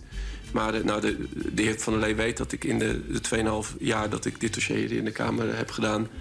dat het mij gaat om erkenning en rechtvaardigheid... En daarna kwam de rekening echt in die volgorde. De heer Van der Lee. Ja, dank, dank voor dit antwoord. Maar dan concludeer ik ook dat daar nog ruimte zit. Uh, in ieder geval bij de D66-fractie. Uh, dat uh, ook in budgettaire zin, als daar een extra stap gezet zou moeten worden... dat D66 daar ruimte ziet. De heer Van ja, voor, voorzitter, mijn stelling was dat ik het vanuit de inhoud wil kunnen uitleggen. En uh, de juridische grenzen van de minister en de inhoudelijke onderbouwing... die is voor mij leidend. Uiteindelijk moet elk plan ook weer worden betaald ergens. Maar dat is geen onderdeel geweest van mijn afweging. De heer Van Kent. Dank voorzitter. En inderdaad goed dat de heer Van Wijnberg uh, toen een tijd die motie heeft ingediend. En die heb ik ook nog even bijgepakt. En in die motie wordt gesproken over een tegemoetkoming... Uh, voor hun onvolledige AOW-opbouw in de periode 1957-1975. Vindt de heer Van Wijnberg dat die 5000 euro daar passend bij is? De vraag van de heer Van Kent in een andere formulering... de vraag die mij net werd gesteld over dat, over dat bedrag... Uh, de motie is echt ingestoken uit de gedachte om het via AW te doen. Dat is de hele taal uh, van de motie. De heer Van Kent weet het, want hij stond eronder. Uh, is, daarop, is daarop gericht. Toen werd het een tegemoetkoming. Nou, dat hebben we overigens in het vorige debat ook al heel veel over gediscussieerd. En toen heb ik eigenlijk net als vandaag gezegd... dat ik met alle juridische problemen waar de minister mee geconfronteerd is... dat begrijp. Dan is de laatste vraag, wat vind je een redelijk bedrag? En um, ik, vind een, ik vind 5000 euro een serieus bedrag... Maar ik heb vragen over hoe daar tot dat bedrag is gekomen. En ik heb ook vragen, misschien overigens nog wel indringendere vragen... die gaan over een aantal doelgroepbeperkingen... Waar uh, de collega's voor mij ook over spraken. De leeftijd, de 25 jaar uh, binding-eis. Um, waarbij ik het overigens wel goed vind... dat was niet zo in het advies van de commissie Zolveste... vind ik ook wel, wel eerlijk om hier te doen... dat met die eis, of hij nou 25 is of misschien 20 wordt of, of verandert... dat um, ook als je daaraan voldoet en daarna terug bent gegaan naar Suriname... dat je ook in aanmerking komt. En dat was oorspronkelijk in het voorstel van de commissie Sylvester niet zo, als ik het me goed herinner. En die verruiming zit dan weer in dit voorstel. En dat vind ik overigens ook verstandig. Maar ik heb gewoon open vragen gesteld over die 5000 euro. Uh, waarschijnlijk hartstikke moeilijk om hier met één bedrag te komen... Uh, wat recht doet als je niet het per persoon via de AW doet. Maar ik heb de vraag niet voor niets uh, gesteld. En ik ben gewoon ook oprecht be benieuwd naar het antwoord van de minister. Dat zijn we allemaal. De heer Van Kent. U luistert dus naar een, uh, hier bij Radio de Leon, lieve luisteraars, naar een, een, een verslag van het debat. Wat is gehouden vorige week in de Tweede Kamer, waar ik ook aanwezig was. En nog meer mensen, uh, samen met de heer Godfried van Amt. En uh, Brada Boga was er ook. En wij gaan vanavond weer naar Den Haag. En u hoort de discussie, de argumentatie, de vragen van de Tweede Kamerleden. En zometeen in het tweede deel ga ik u de antwoorden van de minister laten horen. Het was een vergadering van bijna 4 à 5 uur bij elkaar. Maar we kunnen niet alles laten horen. Dus wat wij u laten horen is het eerste deel met de vragen van de Tweede Kamerleden die gesteld zijn. En zometeen het antwoord of een deel van de antwoorden van de minister.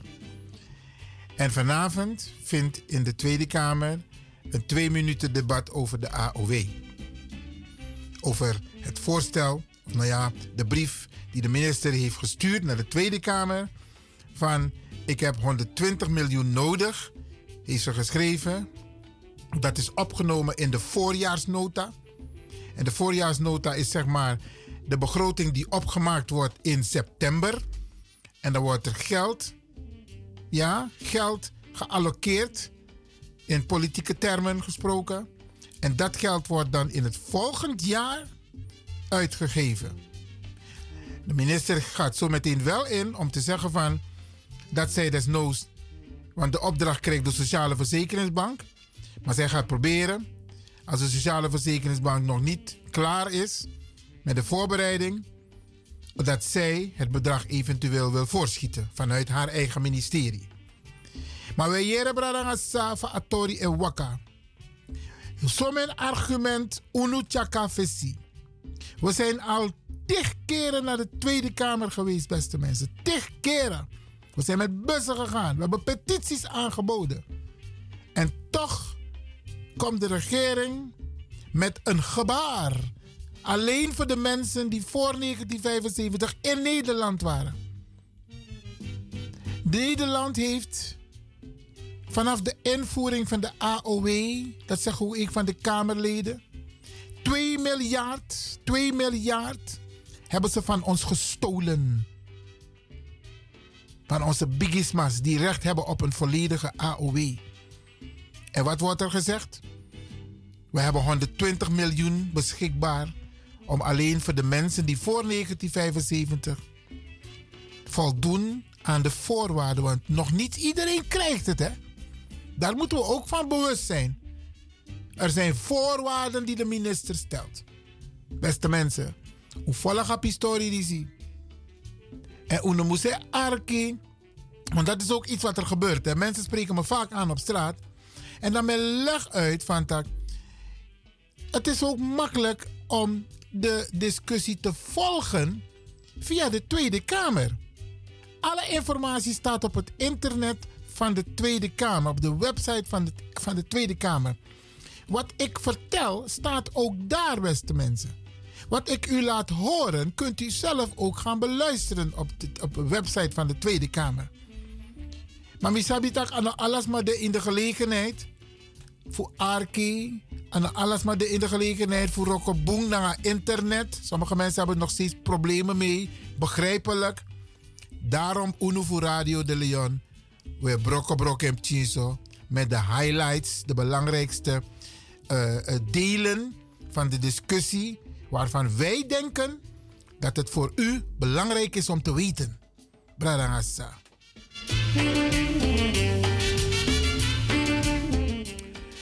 Een pokoe even.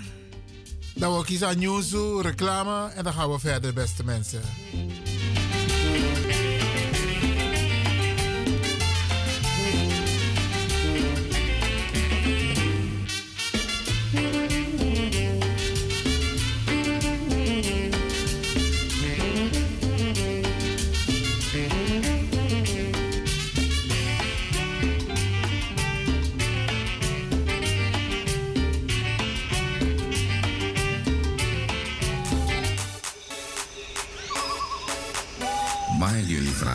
Elkaar de rechterhand te geven en hier in aanwezigheid voor familie, voor vrienden, jullie trouwbelofte uit te spreken? Wil je hem lief hebben en waarderen al de dagen van je leven? Wat is daarop uw antwoord? I've been scared of this all my life.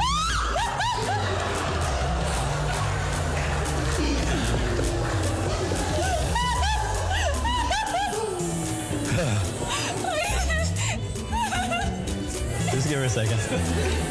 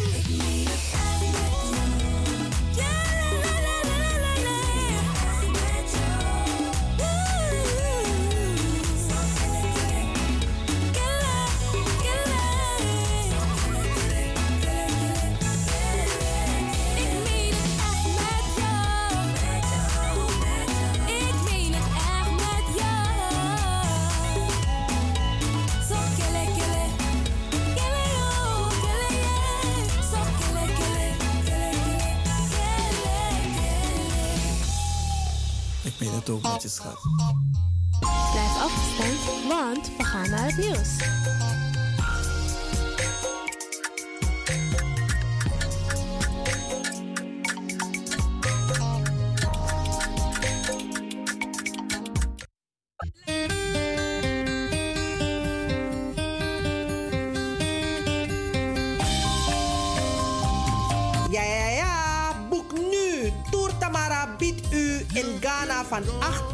met 31 oktober 2023 fantastische tours naar Greater Accra, Eastern, Ashanti, Volta en Central Region.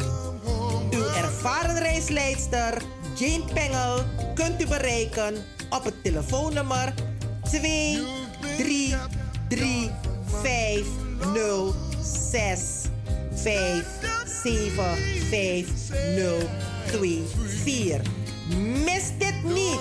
See you.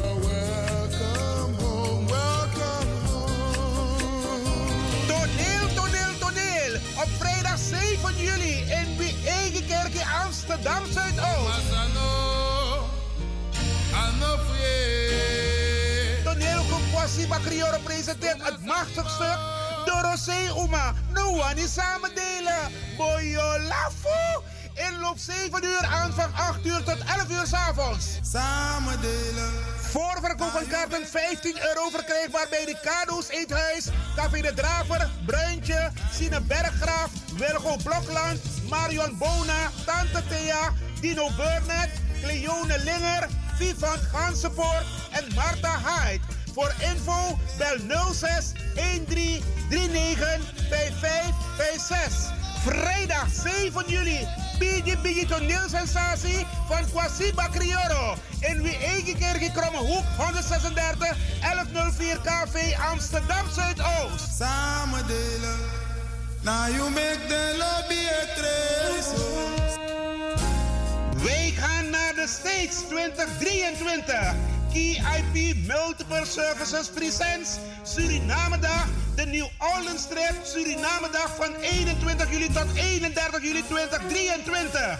Met bezoek aan de French Quarter, Jackson Square, New Orleans En u geniet van een riverboat cruise. Op 22 juli 2023 is het gezellig swingen op de tonen van DJ Blanky en een verrassing.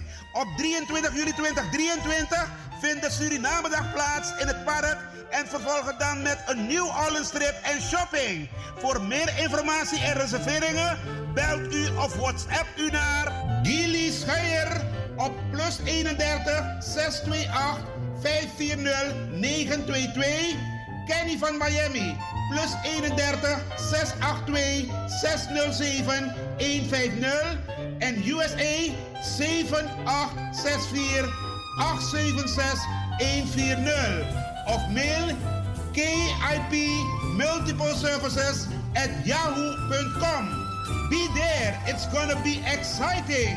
Orga Kenny van Miami. BIMS Event Spaces. Wist je dat je bij BIMS Event Spaces een zaal voor jouw event kan huren al vanaf 95 euro? BIMS Event Spaces heeft verschillende ruimtes beschikbaar voor kleinere en grotere feesten up to 500 people. Geschikt voor verjaardagen, feesten, kinderfeesten, evenementen, workshops, repetities en fotoshoots. Onze zalen liggen maar op 10 minuten loopafstand van station Belmer Arena. Boek nu. Voor meer info contact BIMS Event Spaces op Facebook, eventspaces.bims op Instagram of neem telefonisch contact met ons op via het volgende nummer 061 295 5673. 061 295 5673. Tot snel.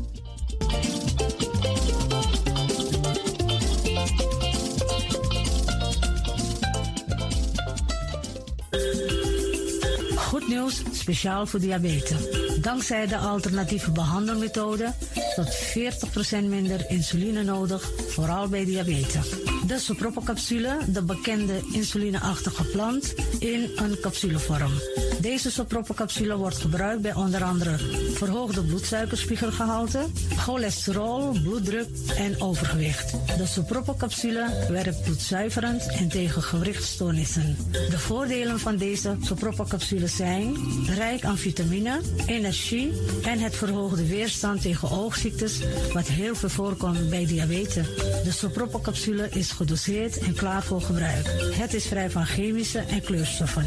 Voor meer informatie kunt u contact opnemen met Sarita Debi Dewari. Telefoonnummer 061 543 0703. 061 543 0703.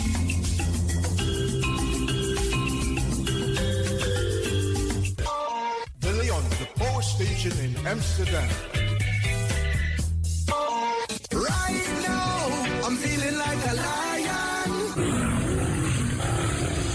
Na dapper strati, a voyo, bij Moesop Sana Melis Winkri.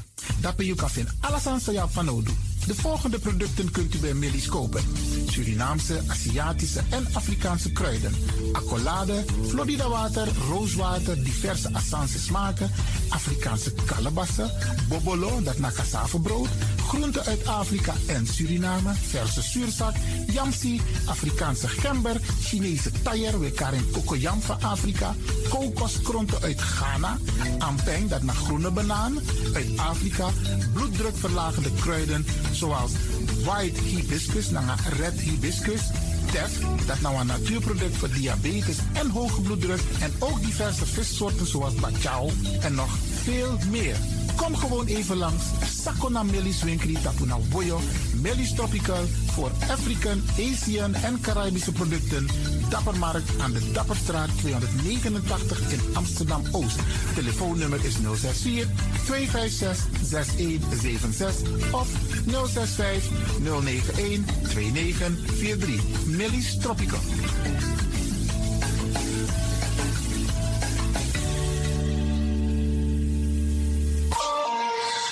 Dit is de Wouders van Amsterdam, Radio de Leon.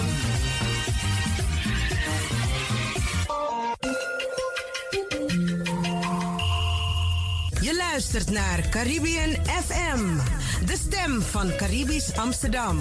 Via kabel salto.nl en 107.9 FM in de ether.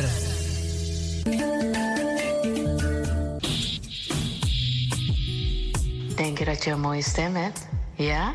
Verdien dan geld met je stem. Schrijf je in bij Voice for Fame Amsterdam. Stuur een sample van je ingesproken stem naar twinklesoundapenstaartje.gmail.com met de vermelding van Voice for Fame. Nadat we je stem hebben beluisterd, maak je kans om geselecteerd te worden om in onze studio in te spreken. Je mag natuurlijk ook inzingen. Minimaal 30 seconden en maximaal 45 seconden. Ik weet dat het je gaat lukken. Er is mij één ding te zeggen. Doe je best en verdien straks geld met je stem.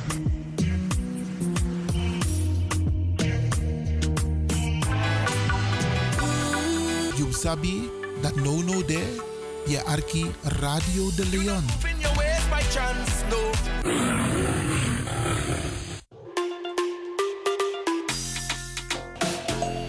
Ik ben Jaël Leeuwin. Ik ben 14 jaar en ik luister nog steeds naar Radio De Leon. Net als een paar jaar geleden. Dus beste luisteraars, blijf ook luisteren, want het doet je goed.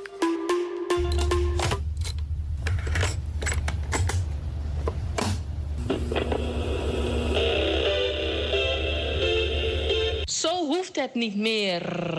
Het is gelukt. Het is ons gelukt. Vanaf nu kunt u via Radio de Leon uw cassettebandjes laten overzetten naar mp3-bestanden. Is dat niet geweldig? Wilt u meer weten? Ga dan naar djxdon.gmail.com. Zo spelt u DJ Xdon. Dirk, Jan, Alfa, Xantippe, Oscar, Nico, apenstaartje, gmail.com. Gelukkig hebt u ze niet weggegooid.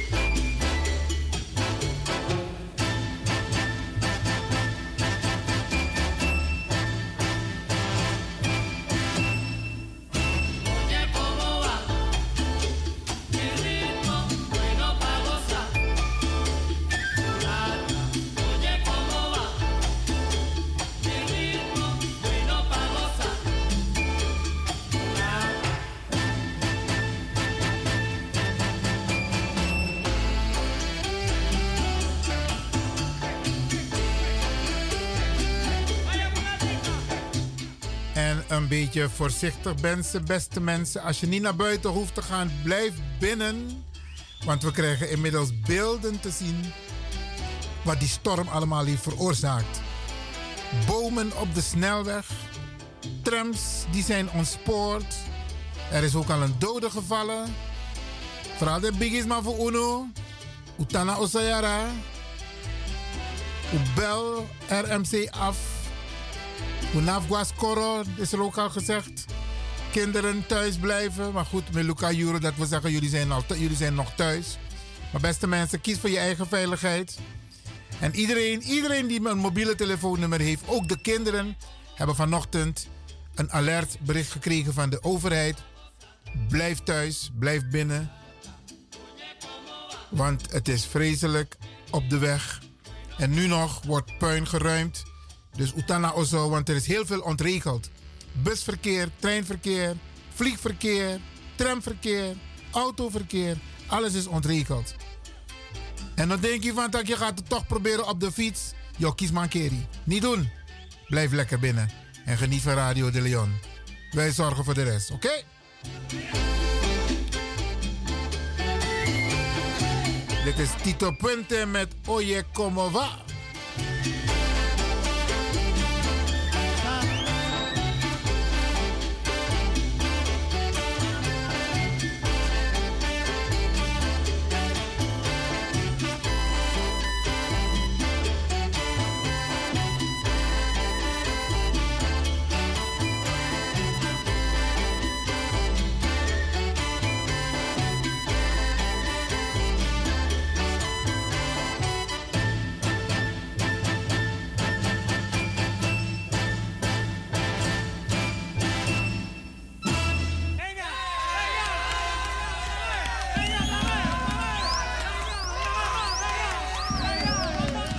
We gaan zo meteen vervolgen met het tweede deel van de vergadering over de AOW, beste mensen. Over het gebaar van erkenning van de minister aan de mensen die voor 1975 naar Nederland zijn gekomen. Dus dat ga ik u zo meteen laten horen hier. Het vervolg en de reactie van de minister. Blijf luisteren. De vragen wat hij nou vindt. En stel dat het juridisch mogelijk is om een hoger bedrag toe te kennen. Stel dat het juridisch vooral ingewikkeld is om het via de AOW te doen... maar dat het uitkeren van een eenmalig bedrag juridisch wel kan. De heer Van der Lee gaf ook aan, in andere gevallen worden er andere bedragen toegekend. Is er dan bij D66 ruimte om een ander bedrag te kiezen... wat meer passend is bij de, het onrecht en de schade die mensen is toegedaan? De heer Van Wijnberg, ik zou echt willen uitdagen om kort te antwoorden. Ja, We weet ik, voorzitter. Maar, de- maar ik krijg zes keer ook dezelfde Pro- vraag en ja, ik wil hem wel probeert recht u- doen. Nee, probeert u Ehm, daarom herhalingen te vermijden. Ja, maar, dat- maar ja, maar ik vind, ik, ik, met alle, alle respect voor de heer Van Kent... over dat ik hier eh, probeer eh, een oplossing te doen... dat, dat de heer Van Kent weet dat hij, dat hij mij niet een gebrek aan eh, visie op dit dossier kan verwijten. Sterker nog, na twintig jaar stilstand eh, met een aantal collega's... hebben we dit dossier, wat eigenlijk dood voor de poort lag... eh, nog in beweging gekregen. Ik vind 5000 euro een serieus bedrag. Daar kun je dingen mee doen. Vind ik het het goede bedrag? Nee, want ik had het liever via de AW gedaan. Twee, ik, ik, ik heb je heel open gesteld. Er zit een vergelijking onder in de aanname van de minister. Dat is er denk ik niet één die juridisch samenhangt met het AOW-vergelijking. Maar die gaat om een, in een soort bijna onmogelijke zoektocht naar wat is dan een rechtvaardig bedrag ten opzichte van andere soortgelijke regelingen. En die vraag die heb ik niet voor niets gesteld. En dat antwoord ben ik oprecht benieuwd naar. En dan zegt de heer Van Kent, ja, maar wat vindt meneer Van Wijnberg nou? Ja, dit is een punt waar ik het antwoord nodig heb om die definitieve keuze te bepalen. Wat ik niet ga doen is zeggen dat die 5000 euro niets is. Want ik heb echt, ik vind dit wel degelijk een stap. En met de heer Van Kent ben ik nog op zoek eh, naar eh, wat ik van dit bedrag vind. De heer Van Kent, derde vraag. Het lijkt erop dat de heer Van Wijnberg mijn vraag vergeten is. Wat mijn vraag was, als het nou juridisch mogelijk is om een eenmalig bedrag toe te kennen... hè, als daar de juridische oplossing zit ten opzichte van de oplossing via de AOW... is er dan bij D66 ruimte om te kiezen voor een ander bedrag, ja of nee? Maar, maar voorzitter, die vraag had ik wel degelijk De heer Van beant- Wijnberg. Sorry, voorzitter. Die vraag had ik wel degelijk beantwoord. Want ik zei net, ik denk niet dat dit bedrag afhangt van die AOW-juridische discussie. Die zit hem in, volgens mij, het feit dat de minister op zoek is naar een soort vergelijking met nou ja, altijd onvergelijkbare, vergelijkbare gevallen. En dat was waar mijn vraag over ging. Dus ik heb die vraag zeker beantwoord. Want ik denk niet dat dit een juridische vraag alleen is vanuit de AOW. Dat is hij namelijk niet. De heer Van Kent, u bewaart nog een vraag voor iemand anders? Ja, het is het antwoord eh, van de heer Van Wijnberg. Daar kunnen we niets aan veranderen. De heer Van Baarle, derde vraag. Ja, voorzitter, toch nog een vraag. Ja, voorzitter, zowel ik als de heer Van Wijnberg hebben het in onze bijdrage gehad over wat ik dan noem de pesteisen die op dit moment gesteld worden in de regeling. Dat zijn er drie. En 25 jaar binding aan Nederland, de 18-jarige leeftijd en de datum in 1975. Voorzitter, de heer Van Wijnberg die zegt met de fractie van Denk dat die eisen verruimd zouden moeten worden. Zo begrijp ik zijn bijdrage. Als we die eisen zouden verruimen, zou dat betekenen dat de doelgroep groter wordt van de regeling. Is de heer Van Wijnberg in dat geval met mij eens dat het nooit zo kan zijn dat het bedrag dan hetzelfde blijft? Dus dat we niet mogen zeggen, die 120 miljoen, daar moet een grotere groep, om het maar even zo te zeggen, uit eten. Maar dat als we de eisen verruimen, dat we dan ook een groter bedrag reserveren in de begroting dan die 120 miljoen. Omdat het niet zo kan zijn dat de heer Van Wijnberg samen met ons aan het einde van dit debat draait aan de knop van die eisen. Maar dat uiteindelijk de financiële beslag van de regeling kleiner wordt en mensen meer krij- minder krijgen.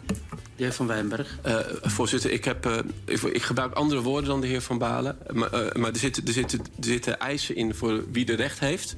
Ik heb eh, over de, eh, de... Voor de onafhankelijkheid heb ik overigens geen vraag gesteld. Dat zat ook in het advies van de commissie Sylvester. Ik heb vragen gesteld over de 25 jaar binding. En ik heb vragen gesteld over de 18 jaar leeftijdsgrens. Ehm, en ik ben het met de heer... eh, uiteindelijk moeten dingen betaald worden. Maar dat is voor mij niet doorslaggevend. Het gaat om vind, wat vind ik hier nou het goede om, om te doen. En eh, als de vraag van de heer Van Balen is... dan mag het bedrag niet naar beneden omdat er meer mensen zijn. Dat ben ik volledig met hem eens. Heer Smals. Ja, dank u wel, voorzitter. Eh, allereerst wil ik uitspreken dat ik voor de mensen die er profijt van hebben... blij ben dat er een voorstel ligt. Immers, het dossier sleept al heel erg lang. En met dit eenmalige gebaar van erkenning kunnen we een punt, hopelijk wellicht een punt zetten achter deze lange kwestie. En voor de mensen voor wie deze erkenning bedoeld is, is het goed nieuws dat de regering een voorstel lijkt te hebben vormgegeven dat deze groep helpt. Maar ook, maar ook oog heeft voor de risico's zoals die door de Raad van State zijn benoemd. Ik denk dat het goed is dat we ons realiseren dat wat je ook afspreekt, het voor de een als onvoldoende zal voelen. Terwijl het voor de ander wellicht meer krijgt dan waar hij in eerste instantie aan zou denken. En hierin heeft de minister een balans moeten vinden. En ik denk dat dat met haar voorstel gelukt is. Toch een paar aanvullende vragen. Ehm, ehm, ook al wat ik al eerder zei, de, juridische vormgeving is erg belangrijk eh, in verband met de risico's eh, voor de AOW. En eh, we moeten niet willen dat een negatief oordeel van de Raad van State alsnog een belemmering kan vormen. Dus kan de minister ingaan op het destijds door de Raad van State benoemde risico van precedentwerking in relatie tot de regeling die voor ligt? En klopt het dat de Raad van State, zoals afgesproken, ook over deze regeling nog een uitspraak doet? En zo ja, wat doen we dan met het oordeel van de Raad van State? Tot slot, de Sociale Verzekeringsbank geeft in haar advies aan. Ik hoor gepruttel van rechts. links voor u. Laat u eh, ongestoord doorgaan, meneer Smals. De Sociale Verzekeringsbank geeft in haar advies het, dat het van belang is dat de afbakening van de doelgroep juridisch waterdicht is. Zij benoemen daarvoor enkele risico's. Kan de minister aangeven op welke wijze deze risico's geadresseerd zijn of nog zullen worden in de regeling? En nogmaals, ik heb veel respect voor het feit dat de regering een gebaar van erkenning vormgegeven lijkt te hebben en dat aan alle wensen en bezwaren zo goed en zo kwaad als dat gaat tegemoet lijkt te kunnen komen. Ik hoop daarom op een positief oordeel van de Raad van State en een voorspoedige uitvoering, zodat het gebaar van erkenning ook snel terechtkomt bij die Surinaamse ouderen. Dank u wel. Dank u wel, meneer Smals. Mevrouw Palland. Ja, voorzitter, eh, dank u wel. Na een eh, hele lange voorgeschiedenis eh, is naar aanleiding van de motie van, eh, van collega Van Weijenberg... en heeft ook mijn, mijn voorganger, CDA-woordvoerder Slootweg... aan, aan meegeholpen, ehm, een motie ingediend... en is er alsnog een ultieme poging gedaan om ergens te landen. En daarop kwam het rapport van de commissie eh, Sylvester... en vervolgens ook het advies van de Raad van State. Voorzitter, juridisch gezien is dit onderwerp uh, volledig binnenstebuiten gekeerd. Al tientallen jaren. En duidelijk daarbij is dat er geen verplichting rust op de overheid. Maar dat laat onverlet het gevoel van onrecht en de gewekte verwachtingen bij deze groep rijksgenoten. En dat speelt al jarenlang. Het is een groep die, zo zei mijn collega Slootweg ook, heeft moeten leren waar hoge zand Sappemeer ligt. Kom daar nog maar eens om. Voorzitter, uh, er ligt nu een onverplichte eenmalige uh, tegemoetkomingregeling als gebaar van erkenning. En ik ben uh, blij met het feit dat het de minister is gelukt om een regeling vorm te geven. Uh, maar we weten ook dat er vragen uh, leven, ook bij uh, de mensen die deze regeling hopen hiervoor in aanmerking te komen. waarom precies is gekozen voor de voorwaarden zoals die erin staan. We weten ook dat ook in het advies van de commissie Sylvester staat... elke regeling zal grensgevallen kennen. En ook de commissie Sylvester gaf aan dat er uh, personen buiten zouden vallen. Maar kan de minister nog eens toelichten... waarom is gekozen voor de leeftijdsgrenzen van bijvoorbeeld die 18 jaar? Ik hoorde ook de collega's daarover. Ook een vraag over het advies van de ATR om ambtshalve het bedrag uit te keren zonder dat daarvoor een aparte aanvraag nodig is. Het ATR geeft terecht aan dat dat sneller gaat en dat dat administratieve lasten voorkomt. Mede gezien de noodzakelijke urgentie. Het gaat ook immers om een oudere doelgroep. Lijkt, lijkt dat een goed alternatief? Um, Daarnaast zouden mensen die ook in aanmerking denken te komen... nog wel voor de, mo de mogelijkheid moeten krijgen om zich aan te melden. En wat vindt de minister van deze uh, uh, suggestie? En voorzitter, ik hoop, ik heb het de vorige uh, commissievergadering... toen we het hier ook over hebben gehad, ook eraan gerefereerd... dat uh, al in 2008 uh, de persoon van de minister betrokkenheid had bij dit dossier... en toen nog als, als beleidsmedewerker en zich hierin had verdiept. En ik, het lijkt mij mooi dat ook deze minister dit kan, kan afronden... en dat we snel ook tot uitkering kunnen overgaan. Ik wil de minister vragen wanneer, dat, um, wanneer zij denkt dat we tot uitkering over kunnen gaan. Tot zover, voorzitter. Dank, mevrouw Palland, de heer Van der Lee. Uh, het valt me op dat mevrouw Palland niets zegt over de hoogte van het bedrag. En uh, ik ben toch ook wel benieuwd ja, of het CDA vindt dat uh, ze graag wil weten wat nou de overwegingen zijn achter dit bedrag. En waarom dat bedrag niet ook wat hoger zou kunnen of zelfs zou moeten zijn. Mevrouw Palland. Terechte vraag, uh, uh, voorzitter van, uh, van de heer Van der Lee. En dan vreek zich ook dat normaal schrijf ik mijn inbreng altijd uit. maar ik had op mijn blaadje ook deze vraag staan. Um, dat elk bedrag is natuurlijk een willekeurig bedrag. Het viel mij ook op, hè, de hoogte van, van dit bedrag. En we hebben onlangs ook nog uh, gesproken in de commissie Sociale Zaken... over bijvoorbeeld de, uh, de regeling voor beroepsziekten. Dat kent weer een ander bedrag. Dus, um, en een gebaar van erkenning zal ook nooit uh, ja, precies erkenning geven voor het ervaren onrecht. Maar ik wil mij aansluiten bij de vragen die zijn gesteld over waarom er is gekozen specifiek voor dit uh, bedrag. En wat daar de rechtvaardiging onder is of de logica uh, om voor dit, uh, de hoogte van dit bedrag te kiezen. De heer Van der Leeuwen, laatste vraag. Ja, Kijk, het is niet alleen een gebaar van erkenning. Het is ook erkenning voor het feit dat mensen in materiële en psychische zin schade is aangedaan. Uh, de vraag is dan ook, wat is een uh, eenmalige tegemoetkoming... die daar enigszins recht aan doet, zonder dat het via de AOW-route kan? Want dat is helder.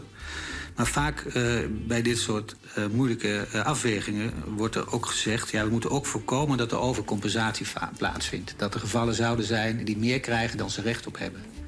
Maar dit bedrag is zo laag... dat daar volgens mij absoluut geen sprake kan zijn van kan zijn. Ook in combinatie met nog eens die randvoorwaarden die allemaal gesteld zijn. Vindt het CDA uh, dat met mij en dat ook uit dat oogpunt er, er best wel een reden is, een additionele reden, om het bedrag hoger te prikken dan 5000 euro? Mevrouw Palland. Ja, voorzitter. Uh, en dan nog uh, uh, is ieder bedrag wat je waar het op uit zou komen, dat, zal een, dat heeft een bepaalde willekeurigheid in zich. Dus vandaar ook de, vraag naar wat is nou de, de logica en, uh, uh, van het gekozen bedrag in deze regeling. En ik ben het met de heer Van der Lee eens. Uh, ik, over compensatie, ik heb het overigens volgens mij niet in de stukken gelezen dat dat aan de orde zou zijn of dat dat ook een overweging is. En daar zou ik ook bij weg willen blijven. Ik denk dat daar geen sprake van is. Uh, en dat we daar, dat ook niet leidend moeten laten zijn. De heer Van Baarle, ook uw laatste vraag? Ja, voorzitter, dank u wel. Voorzitter, ik heb het in mijn uh, bijdrage genoemd. Het komt ook voor in het advies van de commissie van, uh, van Wijzen. Is dat niet alleen we hier te maken hebben met een onrecht vanwege het feit dat we de jaren AOW niet laten meetellen, maar ook dat mensen vervolgens in een regeling terechtkomen, namelijk de AEO, met hele strenge eisen. Onder andere een vermogenseis die streng is, maar ook een eis omtrent verblijf in het buitenland die heel erg streng is. Voorzitter, ik zou aan mevrouw Palland willen vragen of we niet moeten leren van hetgeen we hebben meegemaakt met deze groep ouderen. En zouden moeten zeggen, we moeten die eisen in de AIO. Mensen die oud zijn, die gewoon inkomensondersteuning hebben, niet lastigvallen met deze hele strenge eisen uit de participatiewet. Is het CDA bereid om hierin mee te bewegen, om de minister op te roepen om de strengheid van die eisen in de AIO te laten varen? Mevrouw Palland. Ja, voorzitter, nou hebben wij vanmiddag nog een commissiedebat uitvoering sociale zekerheid. Want dit, de vraag die de heer Van Baarle oproept, is natuurlijk een veel bredere dan, dan waar het nu specifiek uh, waar we proberen uh, recht aan te doen of aan tegemoet proberen te komen. En ik had voor de vorige keer ook, uh, volgens mij stelde de heer Van Wijnberg er ook nog vragen over. Of het was u zelf inderdaad, over de, de mogelijkheid voor mensen om ehm, wel verblijf in het buitenland uh, uh, specifiek in deze groep te laten plaatsvinden. Ik had het idee dat ik dat de vorige keer had, had uitgezocht en dat er wel in een bepaalde mate ruimte voor is. De vraag is de AIO niet te streng in algemene zin? Um, um, dat vind ik iets om, om nog eens uh, over door te spreken. Maar dan buiten dit commissieverband om, want dat raakt een veel bredere doelgroep. En we zijn natuurlijk in bredere zin bezig met het kijken naar hardheden in wet en regelgeving. Uh, en daar wil ik graag nog eens keren met de heer Van Baarle over van gedachten wisselen. Even kijken, ja, dan hebben we alle vragen in de richting van mevrouw Palland gehad. Gaan we luisteren naar de heer Sedert van de ChristenUnie. Ja, dank u wel, voorzitter. Het is hier lange tijd over gehad ook toen ik nog geen Kamerlid was, maar als advocaat en ook dit soort zaken bij de SVB tegenkwam, speelde dit al. Er zijn vele mensen die al lange tijd pleiten voor een regeling of een tegemoetkoming. Ik ben blij dat we hier uh, zijn met elkaar en dat we dit ook mogen bespreken met elkaar. Dat er ook een conceptbesluit voor ligt. Eind vorig jaar heeft het kabinet uitgesproken te zoeken naar de mogelijkheden voor een gebaar van erkenning. Dat is niet, niet niks. Dat is ook een stap vooruit ten aanzien van jarenlang uh, zoeken en geen stappen zetten. Voorzitter, deze zoektocht begon als een juridische. Daarin hebben we antwoorden opgekregen waar we misschien meer hadden, sommigen meer hadden gehoopt en verwacht. Maar waarin wel duidelijk werd gemaakt wat juridisch wel of niet kan. Voorzitter, met dit besluit wordt geprobeerd een antwoord te vinden op het juridische en daarnaast ook uh, het, het gevoel. Uh, als het gaat om erkenning geven aan wat er daadwerkelijk heeft plaatsgevonden. Voorzitter, en dat is ook hoe ik dit bedrag en de regeling zie. Zal geen tegemoetkoming zijn van alle leed en schade, want volgens mij, voorzitter, um, kan dat niet. Tegelijkertijd is daar juridisch uh, zijn er ook vraagtekens bij geplaatst. Dat, het ook niet, uh, dat daar geen verplichting vanuit het kabinet in ieder geval zou zitten. Maar voorzitter, ik zie het vooral ook dat dit in ieder geval twee dingen doet. Het is een gebaar van erkenning. Ja, de overheid heeft steken laten vallen. Maar daarmee ook een financiële uh, tegemoetkoming.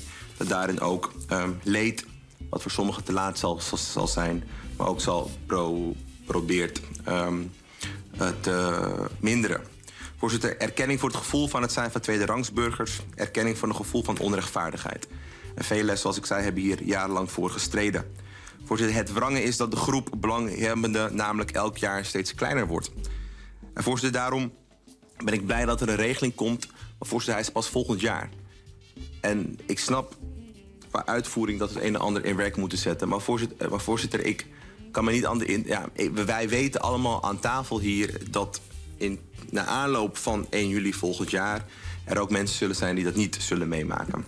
En, en, en dat is gewoon pijnlijk. Dat is, dat is, dat is, ja, dat, dat, dat is pijnlijk. Daarom nogmaals de vraag: kan dat in ieder geval voor een groep niet eerder?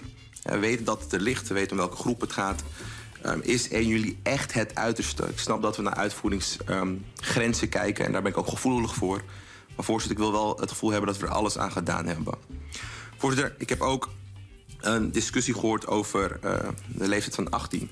Voorzitter, ik heb een advertentie onder ogen gezien een paar uh, tijdje terug over dat er uh, verpleegkundigen gewerfd werden in de jaren na de Tweede Wereldoorlog. En dat ook jongere Surinaamse mensen ook van, vanuit, vanuit leeftijd jonger dan 18 daar ook in die tijd gehoor aan hebben gegeven. Dus er zijn vermoedelijk ook mensen die een gat hebben, jonger, die jonger dan 18 naar Nederland zijn gekomen. Ik vraag me ook af uh, de afwegingen van de minister om hem op 18 te zetten. Nogmaals, ook hier ben ik gevoelig voor de uitvoering en wat de gevolgen daarvan zijn. Want daar moeten we ook naar kijken. En ik ben hartstikke blij dat er wat ligt. Maar voorzitter, zoals eerder woordvoerders hebben aangegeven... We willen wel het gevoel hebben dat we er, gedaan aan, dat we er uh, uh, alles aan gedaan hebben wat, wat kan. Voorzitter, met die achtergrond ben ik, uh, kan, kan ik zeggen dat ik blij ben met wat er nu ligt. Want we, want we komen van ver. Laten we dat niet vergeten. Ik ben blij dat, dat de minister hier stappen voor gezet heeft om dit ook binnen het kabinet te bevechten en hier ook geld voor uit te trekken, te, eh, te bevechten om dit mogelijk te maken. Ik ben ook heel blij dat het bedrag geen doorwerking heeft naar andere ehm, regelingen. En voor mensen die een AOW gat, gat hebben, heb ik vorig debat ook aangegeven. De AJO die compenseert het gat. Tegelijkertijd weten we dat er vele mensen zijn die daar geen gebruik van maken. En zoals de heer Van Baal ook aangeeft, daar hebben we samen ook een motie op ingediend. De AJO is ook wel streng. Tenminste strenger dan dat ik eh, zou willen, maar daar hebben we al eerder moties over ingediend. Ja. Is mijn tijd op, voorzitter? Ja, helaas. Volgens mij heb ik hiermee wel ook de belangrijkste vragen gesteld. Ik wil de minister bedanken, ook voor de regeling die er nu ligt. En ik hoop dat we hiermee ook dat gebaar kunnen geven... maar dat dat gebaar ook ervaren wordt als iets wat oprecht is. Dank u wel, voorzitter. Dank u wel, meneer Steder. We gaan luisteren naar mevrouw Den Haan. Dank u wel, voorzitter. En voorzitter, ik zit hier toch met een zeker gevoel van uh, plaatsvangende schaamte. Hoe lang zijn we nu al bezig om uh, te praten over deze in mijn ogen relatief simpele kwestie... om een oplossing te vinden die recht doet aan het rechtsgevoel van mensen? Al veel te lang. Het standpunt van Goud heb ik al uh, meerdere keren uh, naar voren gebracht. Namelijk, deze ouderen van Surinaamse afkomst zijn Nederlanders. Ingezetenen van Nederland en waren dat ook nog toen ze in de kolonie Suriname woonden. We moeten dus vanuit gaan dat deze mensen een volledige opbouw van hun AOW moeten hebben. De indruk wordt gewekt dat dit kabinet zich laat gijzen door een angst voor precedentwerking. Met een wereldvreemde strikt juridische bril wordt het etiket niet ingezetenen geplakt op de periode dat deze ouderen in de kolonie woonachtig waren. En dat is in ieder geval contrair het gevoel en dat moet het kabinet ook voelen, want men erkent het gevoelde onrecht en wil daarom ook met een compensatie komen. De voorgestelde compensatie van 5000 euro is in mijn ogen toch wel een vorm van kruidenieren, waarbij ik overigens niet negatief wil doen over deze beroepsgroep. Maar er wordt in ieder geval de indruk gewekt dat dit kabinet voor een dubbeltje op de eerste rang wil zitten. En ik doe een beroep op deze minister om niet verder om de hete brei heen te draaien, maar een echt grootmoedig, grootmoedig besluit te nemen. Het gaat om een beperkte groep mensen die al op leeftijd zijn. Het gaat om een politieke keuze en de politieke wil. Overigens voeg ik eraan toe dat het kost... Mevrouw Den Haan, de heer Seder heeft de vraag. Ja. Ja, voorzitter, uh, dank u wel. U heeft net ook in mijn bijdrage denk ik gehoord dat ik hierin ook uh, uh, het gevoel van onrecht die sommigen ervaren ook erken. Maar voorzitter, ik, ik, heb wel, ik heb wel moeite met als mevrouw Den Haan zegt dat er, dat er juridisch, dat er, dat er vanuit angst, vanuit precedentwerking dan naar iets gezocht wordt. Omdat dat insinueert dat juridisch er wel een verplichting zou zijn. En ik heb het ook uitgezocht, want ik wou zeker weten dat we er alles aan gedaan hebben om, het gevoel van, om, het om een gebaar te geven wat ook recht doet aan de situatie. En voorzitter, dat verschil hè, tussen inwoner van het Koninkrijk, maar niet op het Europees vasteland wonen, vind ik een hele oneerlijke en een hele wrange. Dat is niet iets wat dit kabinet heeft opgeplakt. Volgens mij in de jaren 70 al zijn er uitspraken over om dat onderscheid te maken. Een onderscheid waar ik nogmaals vind ik verwerpelijk. Uh, omdat ik denk dat dat... Misschien kunt dat u naar de vraag toewerken. Nou ja, omdat ik... Dan zou ik de vraag willen stellen aan, aan mevrouw Daan... of ze het er wel eens mee is dat het niet zo is... dat juridisch er nog wel ruimte is... voor een, voor een verplichte volledige compensatie. Mevrouw Den Haan. Ja, ik denk dat meneer Seder dan um, niet helemaal goed geluisterd heeft. Want ik zeg inderdaad dat de, uh, het kabinet met een strikt juridische bril kijkt. Uh, en, maar een gevoel is natuurlijk heel anders. En een politieke wil en politieke keuzes maken, dat is natuurlijk ook iets heel anders. En wat mij betreft zou die politieke wil een politieke keuze moeten ja, eigenlijk forceren. Om gewoon dat bedrag van 5000 euro, waar is dat overigens op gebaseerd? Dat vind ik ook buitengewoon interessant. Want wij stellen, wat meneer Van der Lee zei, bedragen vast als uh, erkenning of tegemoetkoming of compensatie.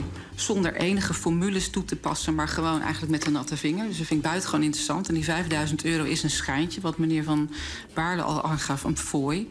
En natuurlijk, het advies van de Raad van State geeft duidelijke aanwijzingen. Juridisch, als je met een strikte bril kijkt ook. Maar dan is er inderdaad nog iets van gevoel. En nogmaals, politieke wil en politieke keuze. En kennelijk doen we daar voor deze groep ouderen niet aan. En dat vind ik buitengewoon treurig. De heer Steders. Ja, voorzitter, ik, ik heb me ook af, afgevraagd hoe het met uh, de 5000 euro zit. Hè. Waarom niet twee, waarom niet tien, waarom niet vijftien? Uh, maar voorzitter, ik, ik, heb, ik, heb ook ik heb ook gezien dat dit bedrag, als het gaat om een tegemoetkoming... Uh, want dat is, dat is een gebaar, het is geen volledige compensatie... dat het wel in lijn is met hoe wij als overheid, ook de afgelopen jaren, ook recent nog om zijn gegaan met dit soort vraagstukken waarbij je een morele verplichting voelt zonder dat daar een juridische verplichting zit. Hè. Denk aan de jeugdzorg, denk aan Dutch bedweten braden. Hè, dus hierbij wordt aangesloten bij de praktijk. Misschien moet de praktijk aangepast worden. Ik bedoel, dat is misschien ook een andere discussie. Maar uh, bent u het wel met mij eens dat dit bedrag niet uit de lucht is gegrepen, maar wel aansluit bij de systematiek? Nogmaals, die, waarvan ik niet zeg dat die in, in, in inherent uh, zaligmakend is. Maar dat dat wel aansluit met hoe wij als overheid proberen om te gaan met dit soort vraagstukken... waarbij er wel een morele verplichting ge, er, er, er, ervaren wordt. Mevrouw Den Haan. Nou, heel eerlijk gezegd niet. Want ik vraag me dan af welke systematiek. Meneer Seder is jurist. Um, en als je bijvoorbeeld naar het arbeidsrecht kijkt, dan zie je dat bijvoorbeeld uh, volgens bepaalde formules afkoopsommen moeten worden berekend als werknemers worden ontslagen, bijvoorbeeld. Waar is dit op gebaseerd? Welke systematiek? Overigens voeg ik aan toe dat het kostenaspect wat goud betreft hier ook niet van doorslaggevend belang mag zijn. Het gaat in deze kwestie om principes en om het rechtzetten van een terecht gevoeld onrecht. En met het voorstel van de minister uh, voor een gebaar van erkenning Um, geeft de minister ook aan dit te onderschrijven. Maar ze trekt wat ons betreft niet de ultieme consequentie... door dan vervolgens ook daad bij het woord te voeren. Dat betreur ik in hoge mate. En voorzitter, voor mij ligt het rapport van de commissie Sylvester... en het advies op pagina 41 voor een eenmalig financieel gebaar... Wordt, daar wordt aan voldaan. Uh, en ik wil ook net als mijn collega's, ik zal het niet allemaal herhalen, uh, vragen om ook dat zeg maar uh, eenmalige, die uit, eenmalige uitkering automatisch te doen, het advies van de ATR over te nemen. Maar het belangrijkste advies op pagina 40, dat wordt niet uitgevoerd. Um, maar eigenlijk, voorzitter, zou ik nog verder willen gaan. Ik zou eigenlijk toch. Bedoel, deze ouderen, dat zijn onze ouderen. En ik vind dat zij recht hebben gewoon op een volledig opgebouwde AOW. Dank u wel, mevrouw Den Haan. De heer Van der Lee. Ja, dank uh, voorzitter. Uh, Nederland heeft echt een, uh, een, lange, pijnlijke en beschamende koloniale geschiedenis. En, en dit is een van de onderwerpen die daaruit uit voortgekomen zijn. we zijn ook altijd, niet altijd in staat geweest om op een goede manier om te gaan met die geschiedenis. En vandaag moeten we iets rechtzetten wat vreselijk is misgegaan in mijn ogen. En iets waar wij, althans als instituut, mede verantwoordelijk zijn, voor zijn als medewetgever. Er is een juridisch onderscheid gemaakt in het verleden dat niet gemaakt had moeten worden. Dat daar, omdat wij een rechtsstaat hebben, nu uit voortvloeit dat er geen sprake is van strikte juridische aansprakelijkheid. Die logica uh, begrijp ik. Uh, ik vind hem alleen wel heel moeilijk te verdragen.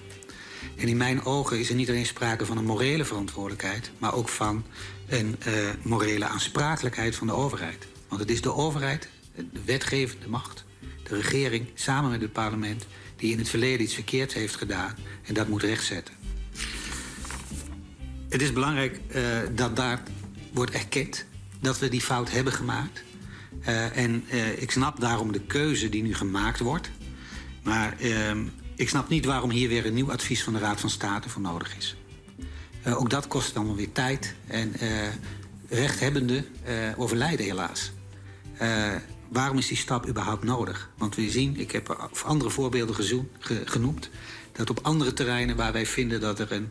Uh, uh, misschien niet juridische, soms wel... maar uh, een morele verantwoordelijkheid of aansprakelijkheid is... dat we gewoon regelingen treffen met wel heel gevarieerde bedragen. En die variatie is zo groot dat ik erg benieuwd ben... wat nou de achterliggende reden voor dit bedrag van 5000 euro is. En ik vind het eigenlijk gewoon te weinig. Uh, en ik uh, bedoel een dringend beroep op de minister... Uh, als die onderbouwing niet helder is... om dat bedrag echt te verhogen. En daar komt bij dat er ook een aantal voorwaarden worden gesteld... die wel erg streng zijn. De collega's hebben daar terechte vragen over gesteld. Die ga ik niet allemaal in detail herhalen. Maar ik ga er even eentje uitlichten.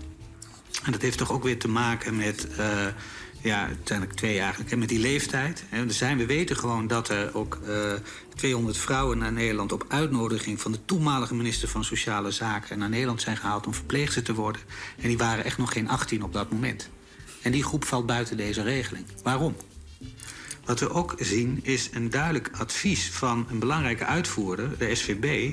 die zegt, ja, volgens de toescheidingsovereenkomst konden mensen nog op vergelijkbare voorwaarden tot 1980 naar Nederland komen.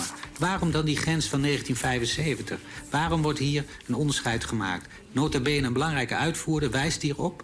Het is niet alleen rechtvaardig om die groep erbij te betrekken, maar ook in de uitvoering noodzakelijk om dat te doen. Erkent de minister dat en wil ze die stap uh, zetten?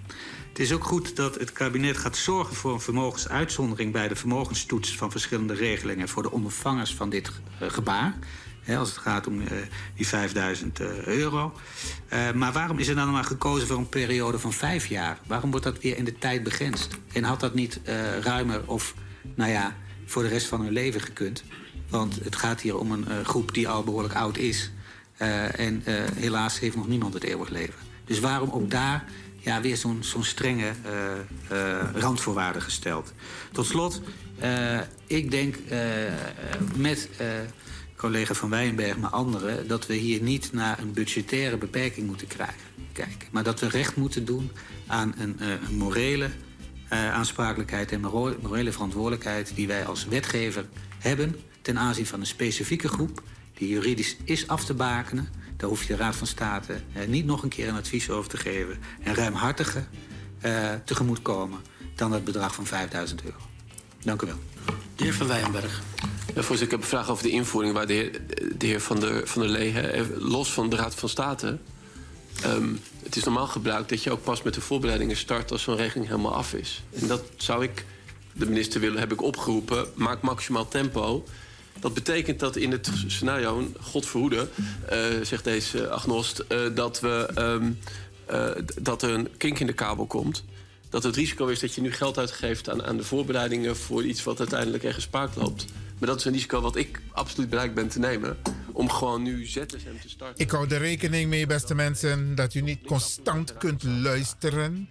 Maar het is wel belangrijk, vooral voor de mensen om wie het gaat, onze senioren dit is een uh, verslag van de vergadering van de commissie die gaat over de AOW, Commissie Sociale Zaken.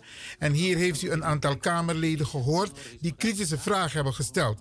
En de minister, de minister gaat zo meteen antwoord geven. Ja? Oké. Nut en noodzaak niet. We hebben helaas. helaas.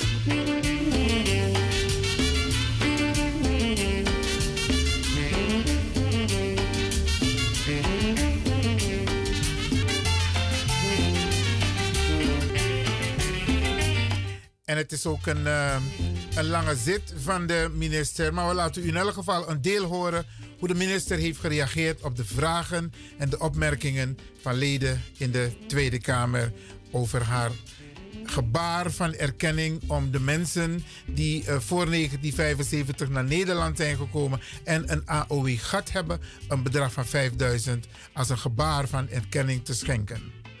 Ik heropen de vergadering. We zijn aanbeland bij de beantwoording van de minister in de eerste termijn. En ik zou graag het woord willen geven aan de minister. Uh, ik stel voor dat we vier vragen doen, maar ik verzoek de commissieleden wel echt te letten op uh, herhaling van vragen en het uh, kort en bondig te doen. Dus geen inleidende betogen en daar zal ik echt wat strenger op zijn. De minister. Dank wel, voorzitter. En dank ook allereerst ook aan de commissie uh, voor het snel inplannen van, van dit debat. Want het heeft ook, ook voor mij urgentie om hier snel ook uh, mee verder te kunnen. En ik denk dat het inplannen van het debat daar ook door u daar uitdrukking aan geeft. Maar laat ik me eerst ook tot de mensen op de tribune richten. En dank ook voor uw aanwezigheid. Um, er zijn, er zijn iets minder mensen net, maar er waren er nu, maar er waren net wat mensen ook die ik ook op het ministerie een aantal weken geleden ook heb gesproken. Uh, wij hebben daar ook met vertegenwoordigers van de Surinaamse gemeenschap ook uh, gesprek gevoerd. Uh, ook al eerder gedaan, maar nu ook om het voorstel persoonlijk toe te lichten wat wij ook naar de Tweede Kamer hebben gestuurd. En ik weet dat er al mensen bij zijn die al zo lang ook met dit dossier bezig zijn en al zo lang zich inzetten om ook ja, te laten zien wat dit ook doet met de Surinaamse gemeenschap. En dat is voor mij ook belangrijke input geweest ook nou ja, voor het verder doordenken van deze regeling en ook om hier überhaupt gewoon alles te, ondersteboven te keren wat er mogelijk is om te zien wat we kunnen gaan doen. Um, en ik dank ook, en ze is vandaag niet aanwezig, maar in, in haar als persoon ook de commissie Sylvester. Die heeft natuurlijk ook ongelooflijk veel werk verzet. Um, ons ook um, eigenlijk ook een, een rapport geleverd waarin ook een onderbouwing is gegeven en, en stappen zijn gezet of uh, aangegeven die gezet konden worden om ook het, het gevoelde onrecht ook uh, recht te doen richting de Surinaamse gemeenschap. Um, ik heb, we hebben hier de vorige keer ook een debat over gehad. En toen heb ik ook gezegd dat uh, uh, de opdracht die ik voelde was om twee adviezen, namelijk die van de commissie Sylvester en die van de Raad van State, die nogal tegenover elkaar stonden, om die bij elkaar te brengen. En dat was ook behoorlijk complex, want het zijn ook echt twee verschillende werelden. Uh, um, en ik heb ook mijn uiterste best gedaan om uh, die twee uh, bij elkaar te brengen. En het resultaat ervan, dat bespreken wij hier vandaag. En um, de, um, in november hebben wij hier ook al aangegeven dat het kabinet de mogelijkheden van een gebaar verkent. En waar ik rekening mee moest houden, ook gezien de analyse um, die er eerder lag van mijn ambtsvoorgangers over de AOW, de voorlichting van de Raad van State en het advies van de landsadvocaat. Um, en we willen vandaag ook een gebaar maken naar de ouderen die ook voor de onafhankelijkheid naar Suriname, naar Nederland zijn gekomen. En zij maakten in die tijd ook gewoon echt een levensbepalende keuze. En het kabinet vindt dat het hier dan gaat ook om een unieke samenloop van omstandigheden, gevormd door de verwachtingen die zijn ontstaan bij het onafhankelijkheidsproces, de komst naar Nederland met het oog op behoud van rechten en plichten, de jarenlange gevoerde discussie en de wens om die bijzondere situatie ook te erkennen. En om die wens vorm te geven is een bedrag van 5000 euro per persoon vrijgemaakt. Ik ga zo nader in ook naar de onderbouwing van een aantal zaken daarop. Um, en het gaat dan om iedereen die voor de onafhankelijkheid naar Nederland is gekomen. Um, met de verwachting hierdoor ook hun rechten en plichten te behouden. En die toen uh, 18 jaar of ouder uh, waren. En sindsdien 25 jaar of langer in Nederland heeft gewoond. En ik wil dus nog maar eens benadrukken: het is dus geen eis om op dit moment in Nederland te wonen. In die 25 jaar die hoeven ook niet uh, achter elkaar te zitten, dus opeenvolgend te zijn.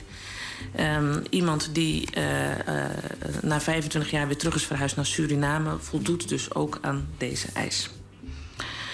Um, en we komen ook nog zo te spreken over het recht op de doorwerking van een bedrag. Op bijvoorbeeld de toeslagen, de uitkeringen, op, op AIO, dat soort zaken. Um, maar laat ik nu ook al duidelijk zijn. Um, ik vind het onwenselijk als ontvangst van dit bedrag ook uh, zal leiden tot verlies van die andere regelingen. En daarom hebben we dus ook uh, gezorgd dat er een vermogensuitzondering wordt geregeld. En dat is voor een periode van vijf jaar. Ik kom zo ook weer op de vraag waarom vijf jaar. Maar het bedrag heeft dus dan in die periode geen invloed op regelingen waar vermogen een rol speelt. En het is ook netto, dus er hoeft ook geen inkomstenbelasting over betaald te worden. Um, qua proces, uh, als de Kamer uh, wil dat wij hiermee uh, verder gaan, dan zal ik de Raad van State ook vragen om een advies over het besluit. Um, en ik kom zo ook nog nader te spreken over de vragen waarom ook de Raad van State hier nog een rol in moet hebben. De heer Van der Lee vroeg daar ook naar. Ik zal eerst ingaan op de diverse vragen die zijn gesteld over de voorwaarden bij de regeling en de onderbouwing daarvan. Um, want allereerst um, is het uh, de vraag van wat is uh, um, even kijken, de onderbouwing van het bedrag uh, van 5000 euro. En dan ga ik heel even terug naar um, waar wij vandaan zijn gekomen in de discussie over van AOW naar de onverplichte uh, uh, eenmalige tegemoetkoming. Want ik denk, en de heer Van Wijnberg heeft denk ik ook al redelijk goed stapsgewijs uitgelegd. Um, eigenlijk was in uh, uh, alle juridische adviezen die ik kreeg, uh, was de strekking: maak hier geen koppeling met de AOW. Want als je dat doet, dan heeft dat rechtstreeks gevolgen voor de houdbaarheid van de AOW als stelsel als zodanig. En ik ken de gevoelens hier ook over die adviezen. En ik weet ook dat daar gemengd op gereageerd is. maar dat is ook een verantwoordelijkheid waar ik me toe te verhouden heb. En het is een verantwoordelijkheid ook dat ik moet zorgen dat het stelsel wat we hebben. dat dat niet door andere regelingen gaat wankelen.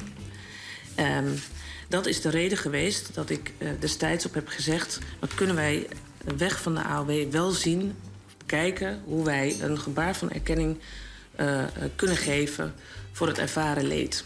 Want dat zien we ook. Dat er zo lang ook uh, door zoveel mensen ook is gestreden... Uh, om, om dat gevoel van het onrecht ook naar voren te krijgen. Um, wij zijn toen dus gaan kijken naar een regeling um, die, um, uh, die ook op andere plekken uh, ook wordt getroffen waar niet rechtstreeks een juridische verplichting is voor het kabinet om een vergoeding te geven, maar dat het wel gebeurt op basis van erkenning van ervaren leed. En dan kom je inderdaad bij bijvoorbeeld regelingen die, zoals bij Dutchbed 3, zijn gegeven. regelingen bij ook, die in de jeugdzorg ook zijn gegeven. En als u zegt, is daar een keiharde onderbouwing voor dat bedrag van 5000 euro? Nee, dat is er niet. Maar ik heb aangesloten bij eigenlijk vergelijkbare regelingen waar geen juridische verplichting was vanuit het kabinet om dat te doen. Uh, maar waar wel een gebaar van erkenning van het ervaren leed werd uh, uh, gegeven. En dat is de reden dat wij dus daarom ook aangesloten hebben bij die regelingen. En daar wordt nou, ook de meest recente was Dutchbed. Maar dat is dus ook 5000 euro in dat geval geweest. En daarom hebben wij daarbij aangesloten. Um, even kijken. Um, de... Voordat we daarop ja. overgaan, de heer Van der Lee. Ja, de minister maakt een onderscheid tussen uh, daar waar sprake is van juridische aansprakelijkheid en waar niet. Maar bij mijn weten zijn er ook regelingen waarbij geen sprake is van directe juridische aansprakelijkheid van de regering. Misschien wel ook wel morele aansprakelijkheid, maar ik vind in ieder geval dat het in dit geval zo is. Maar als ik kijk naar de regeling bij Q-koorts, 15.000 euro. Dus er zijn meerdere regelingen. En mij is niet helder waarom er gekozen wordt om bij de genoemde aan te sluiten en niet bij andere regelingen. Uh, en uh, hierbij toch ook rekening is gehouden met het grote tijdvak waar het over gaat. Ik snap uh, dat het niet in de richting gaat van een vergoeding die lijkt op een AOW-vergoeding. Want dan kom je in dat juridische moeras. Dat snap ik. Maar de afstand is nu wel enorm groot. De minister. Voorzitter, bij Q-koorts en overigens ook bij long-covid ging het hier om uh, medische aandoeningen uh, die um, um, nou ja, niet direct het gevolg was misschien van overheidshandelen, maar wel een, waar een hele directe medische component in zat. En die zijn uh, inderdaad anders behandeld dan de gebaren van erkenning voor ervaren leed. Um, maar het zijn echt ja, twee verschillende soorten regelingen eigenlijk. Uh, waarbij in, het dus gaat over het medisch leed. Ik weet niet goed hoe, welke term ik daar moet geven. maar. U hoort de minister van Sociale Zaken die verantwoordelijk is voor de AOW. Uh, omwille van de tijd moeten we het even hierbij laten, beste mensen. Maar ik beloof dat wij het uh, vervolg zeker uh, aan u zullen laten horen. Echt bij de zaken die.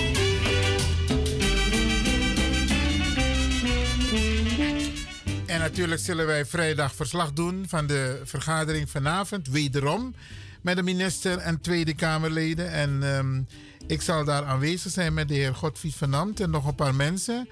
En ik hoop nog meer mensen te zien. En dan hopen we vrijdag uh, weer verslag te doen van de bijeenkomst vanavond. U kunt het ook volgen via de televisie, maar dan moet u wel naar het, uh, de internetsite van de Tweede Kamer. Daar kunt u het ook volgen. Oké.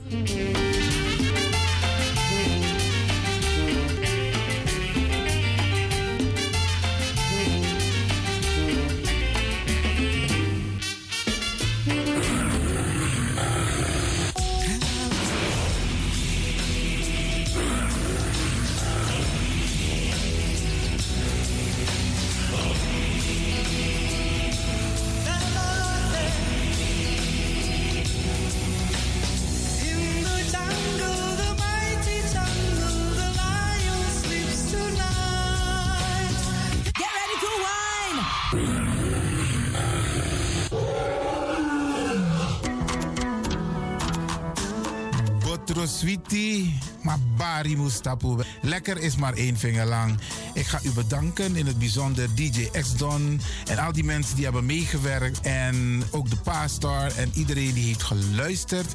En ik beloof u, vrijdag zijn we er weer hier bij Radio de Leon.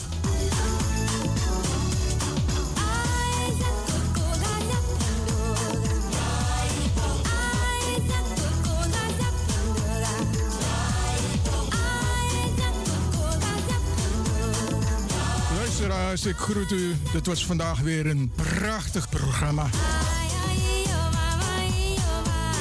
De uitzending die aan het groeien is. Radio de Leon op en top. En DJ X-Storm is going home.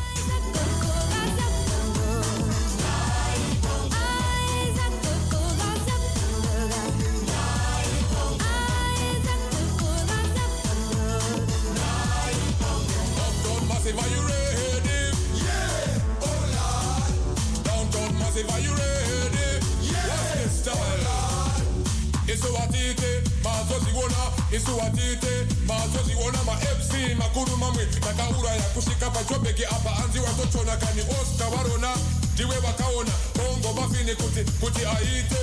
Ready for them bongo ready for them. Ready for them bongo ready for them. Downtown massive are you ready. Yeah. Hold on downtown massive are you ready. Yeah. Fuck oh,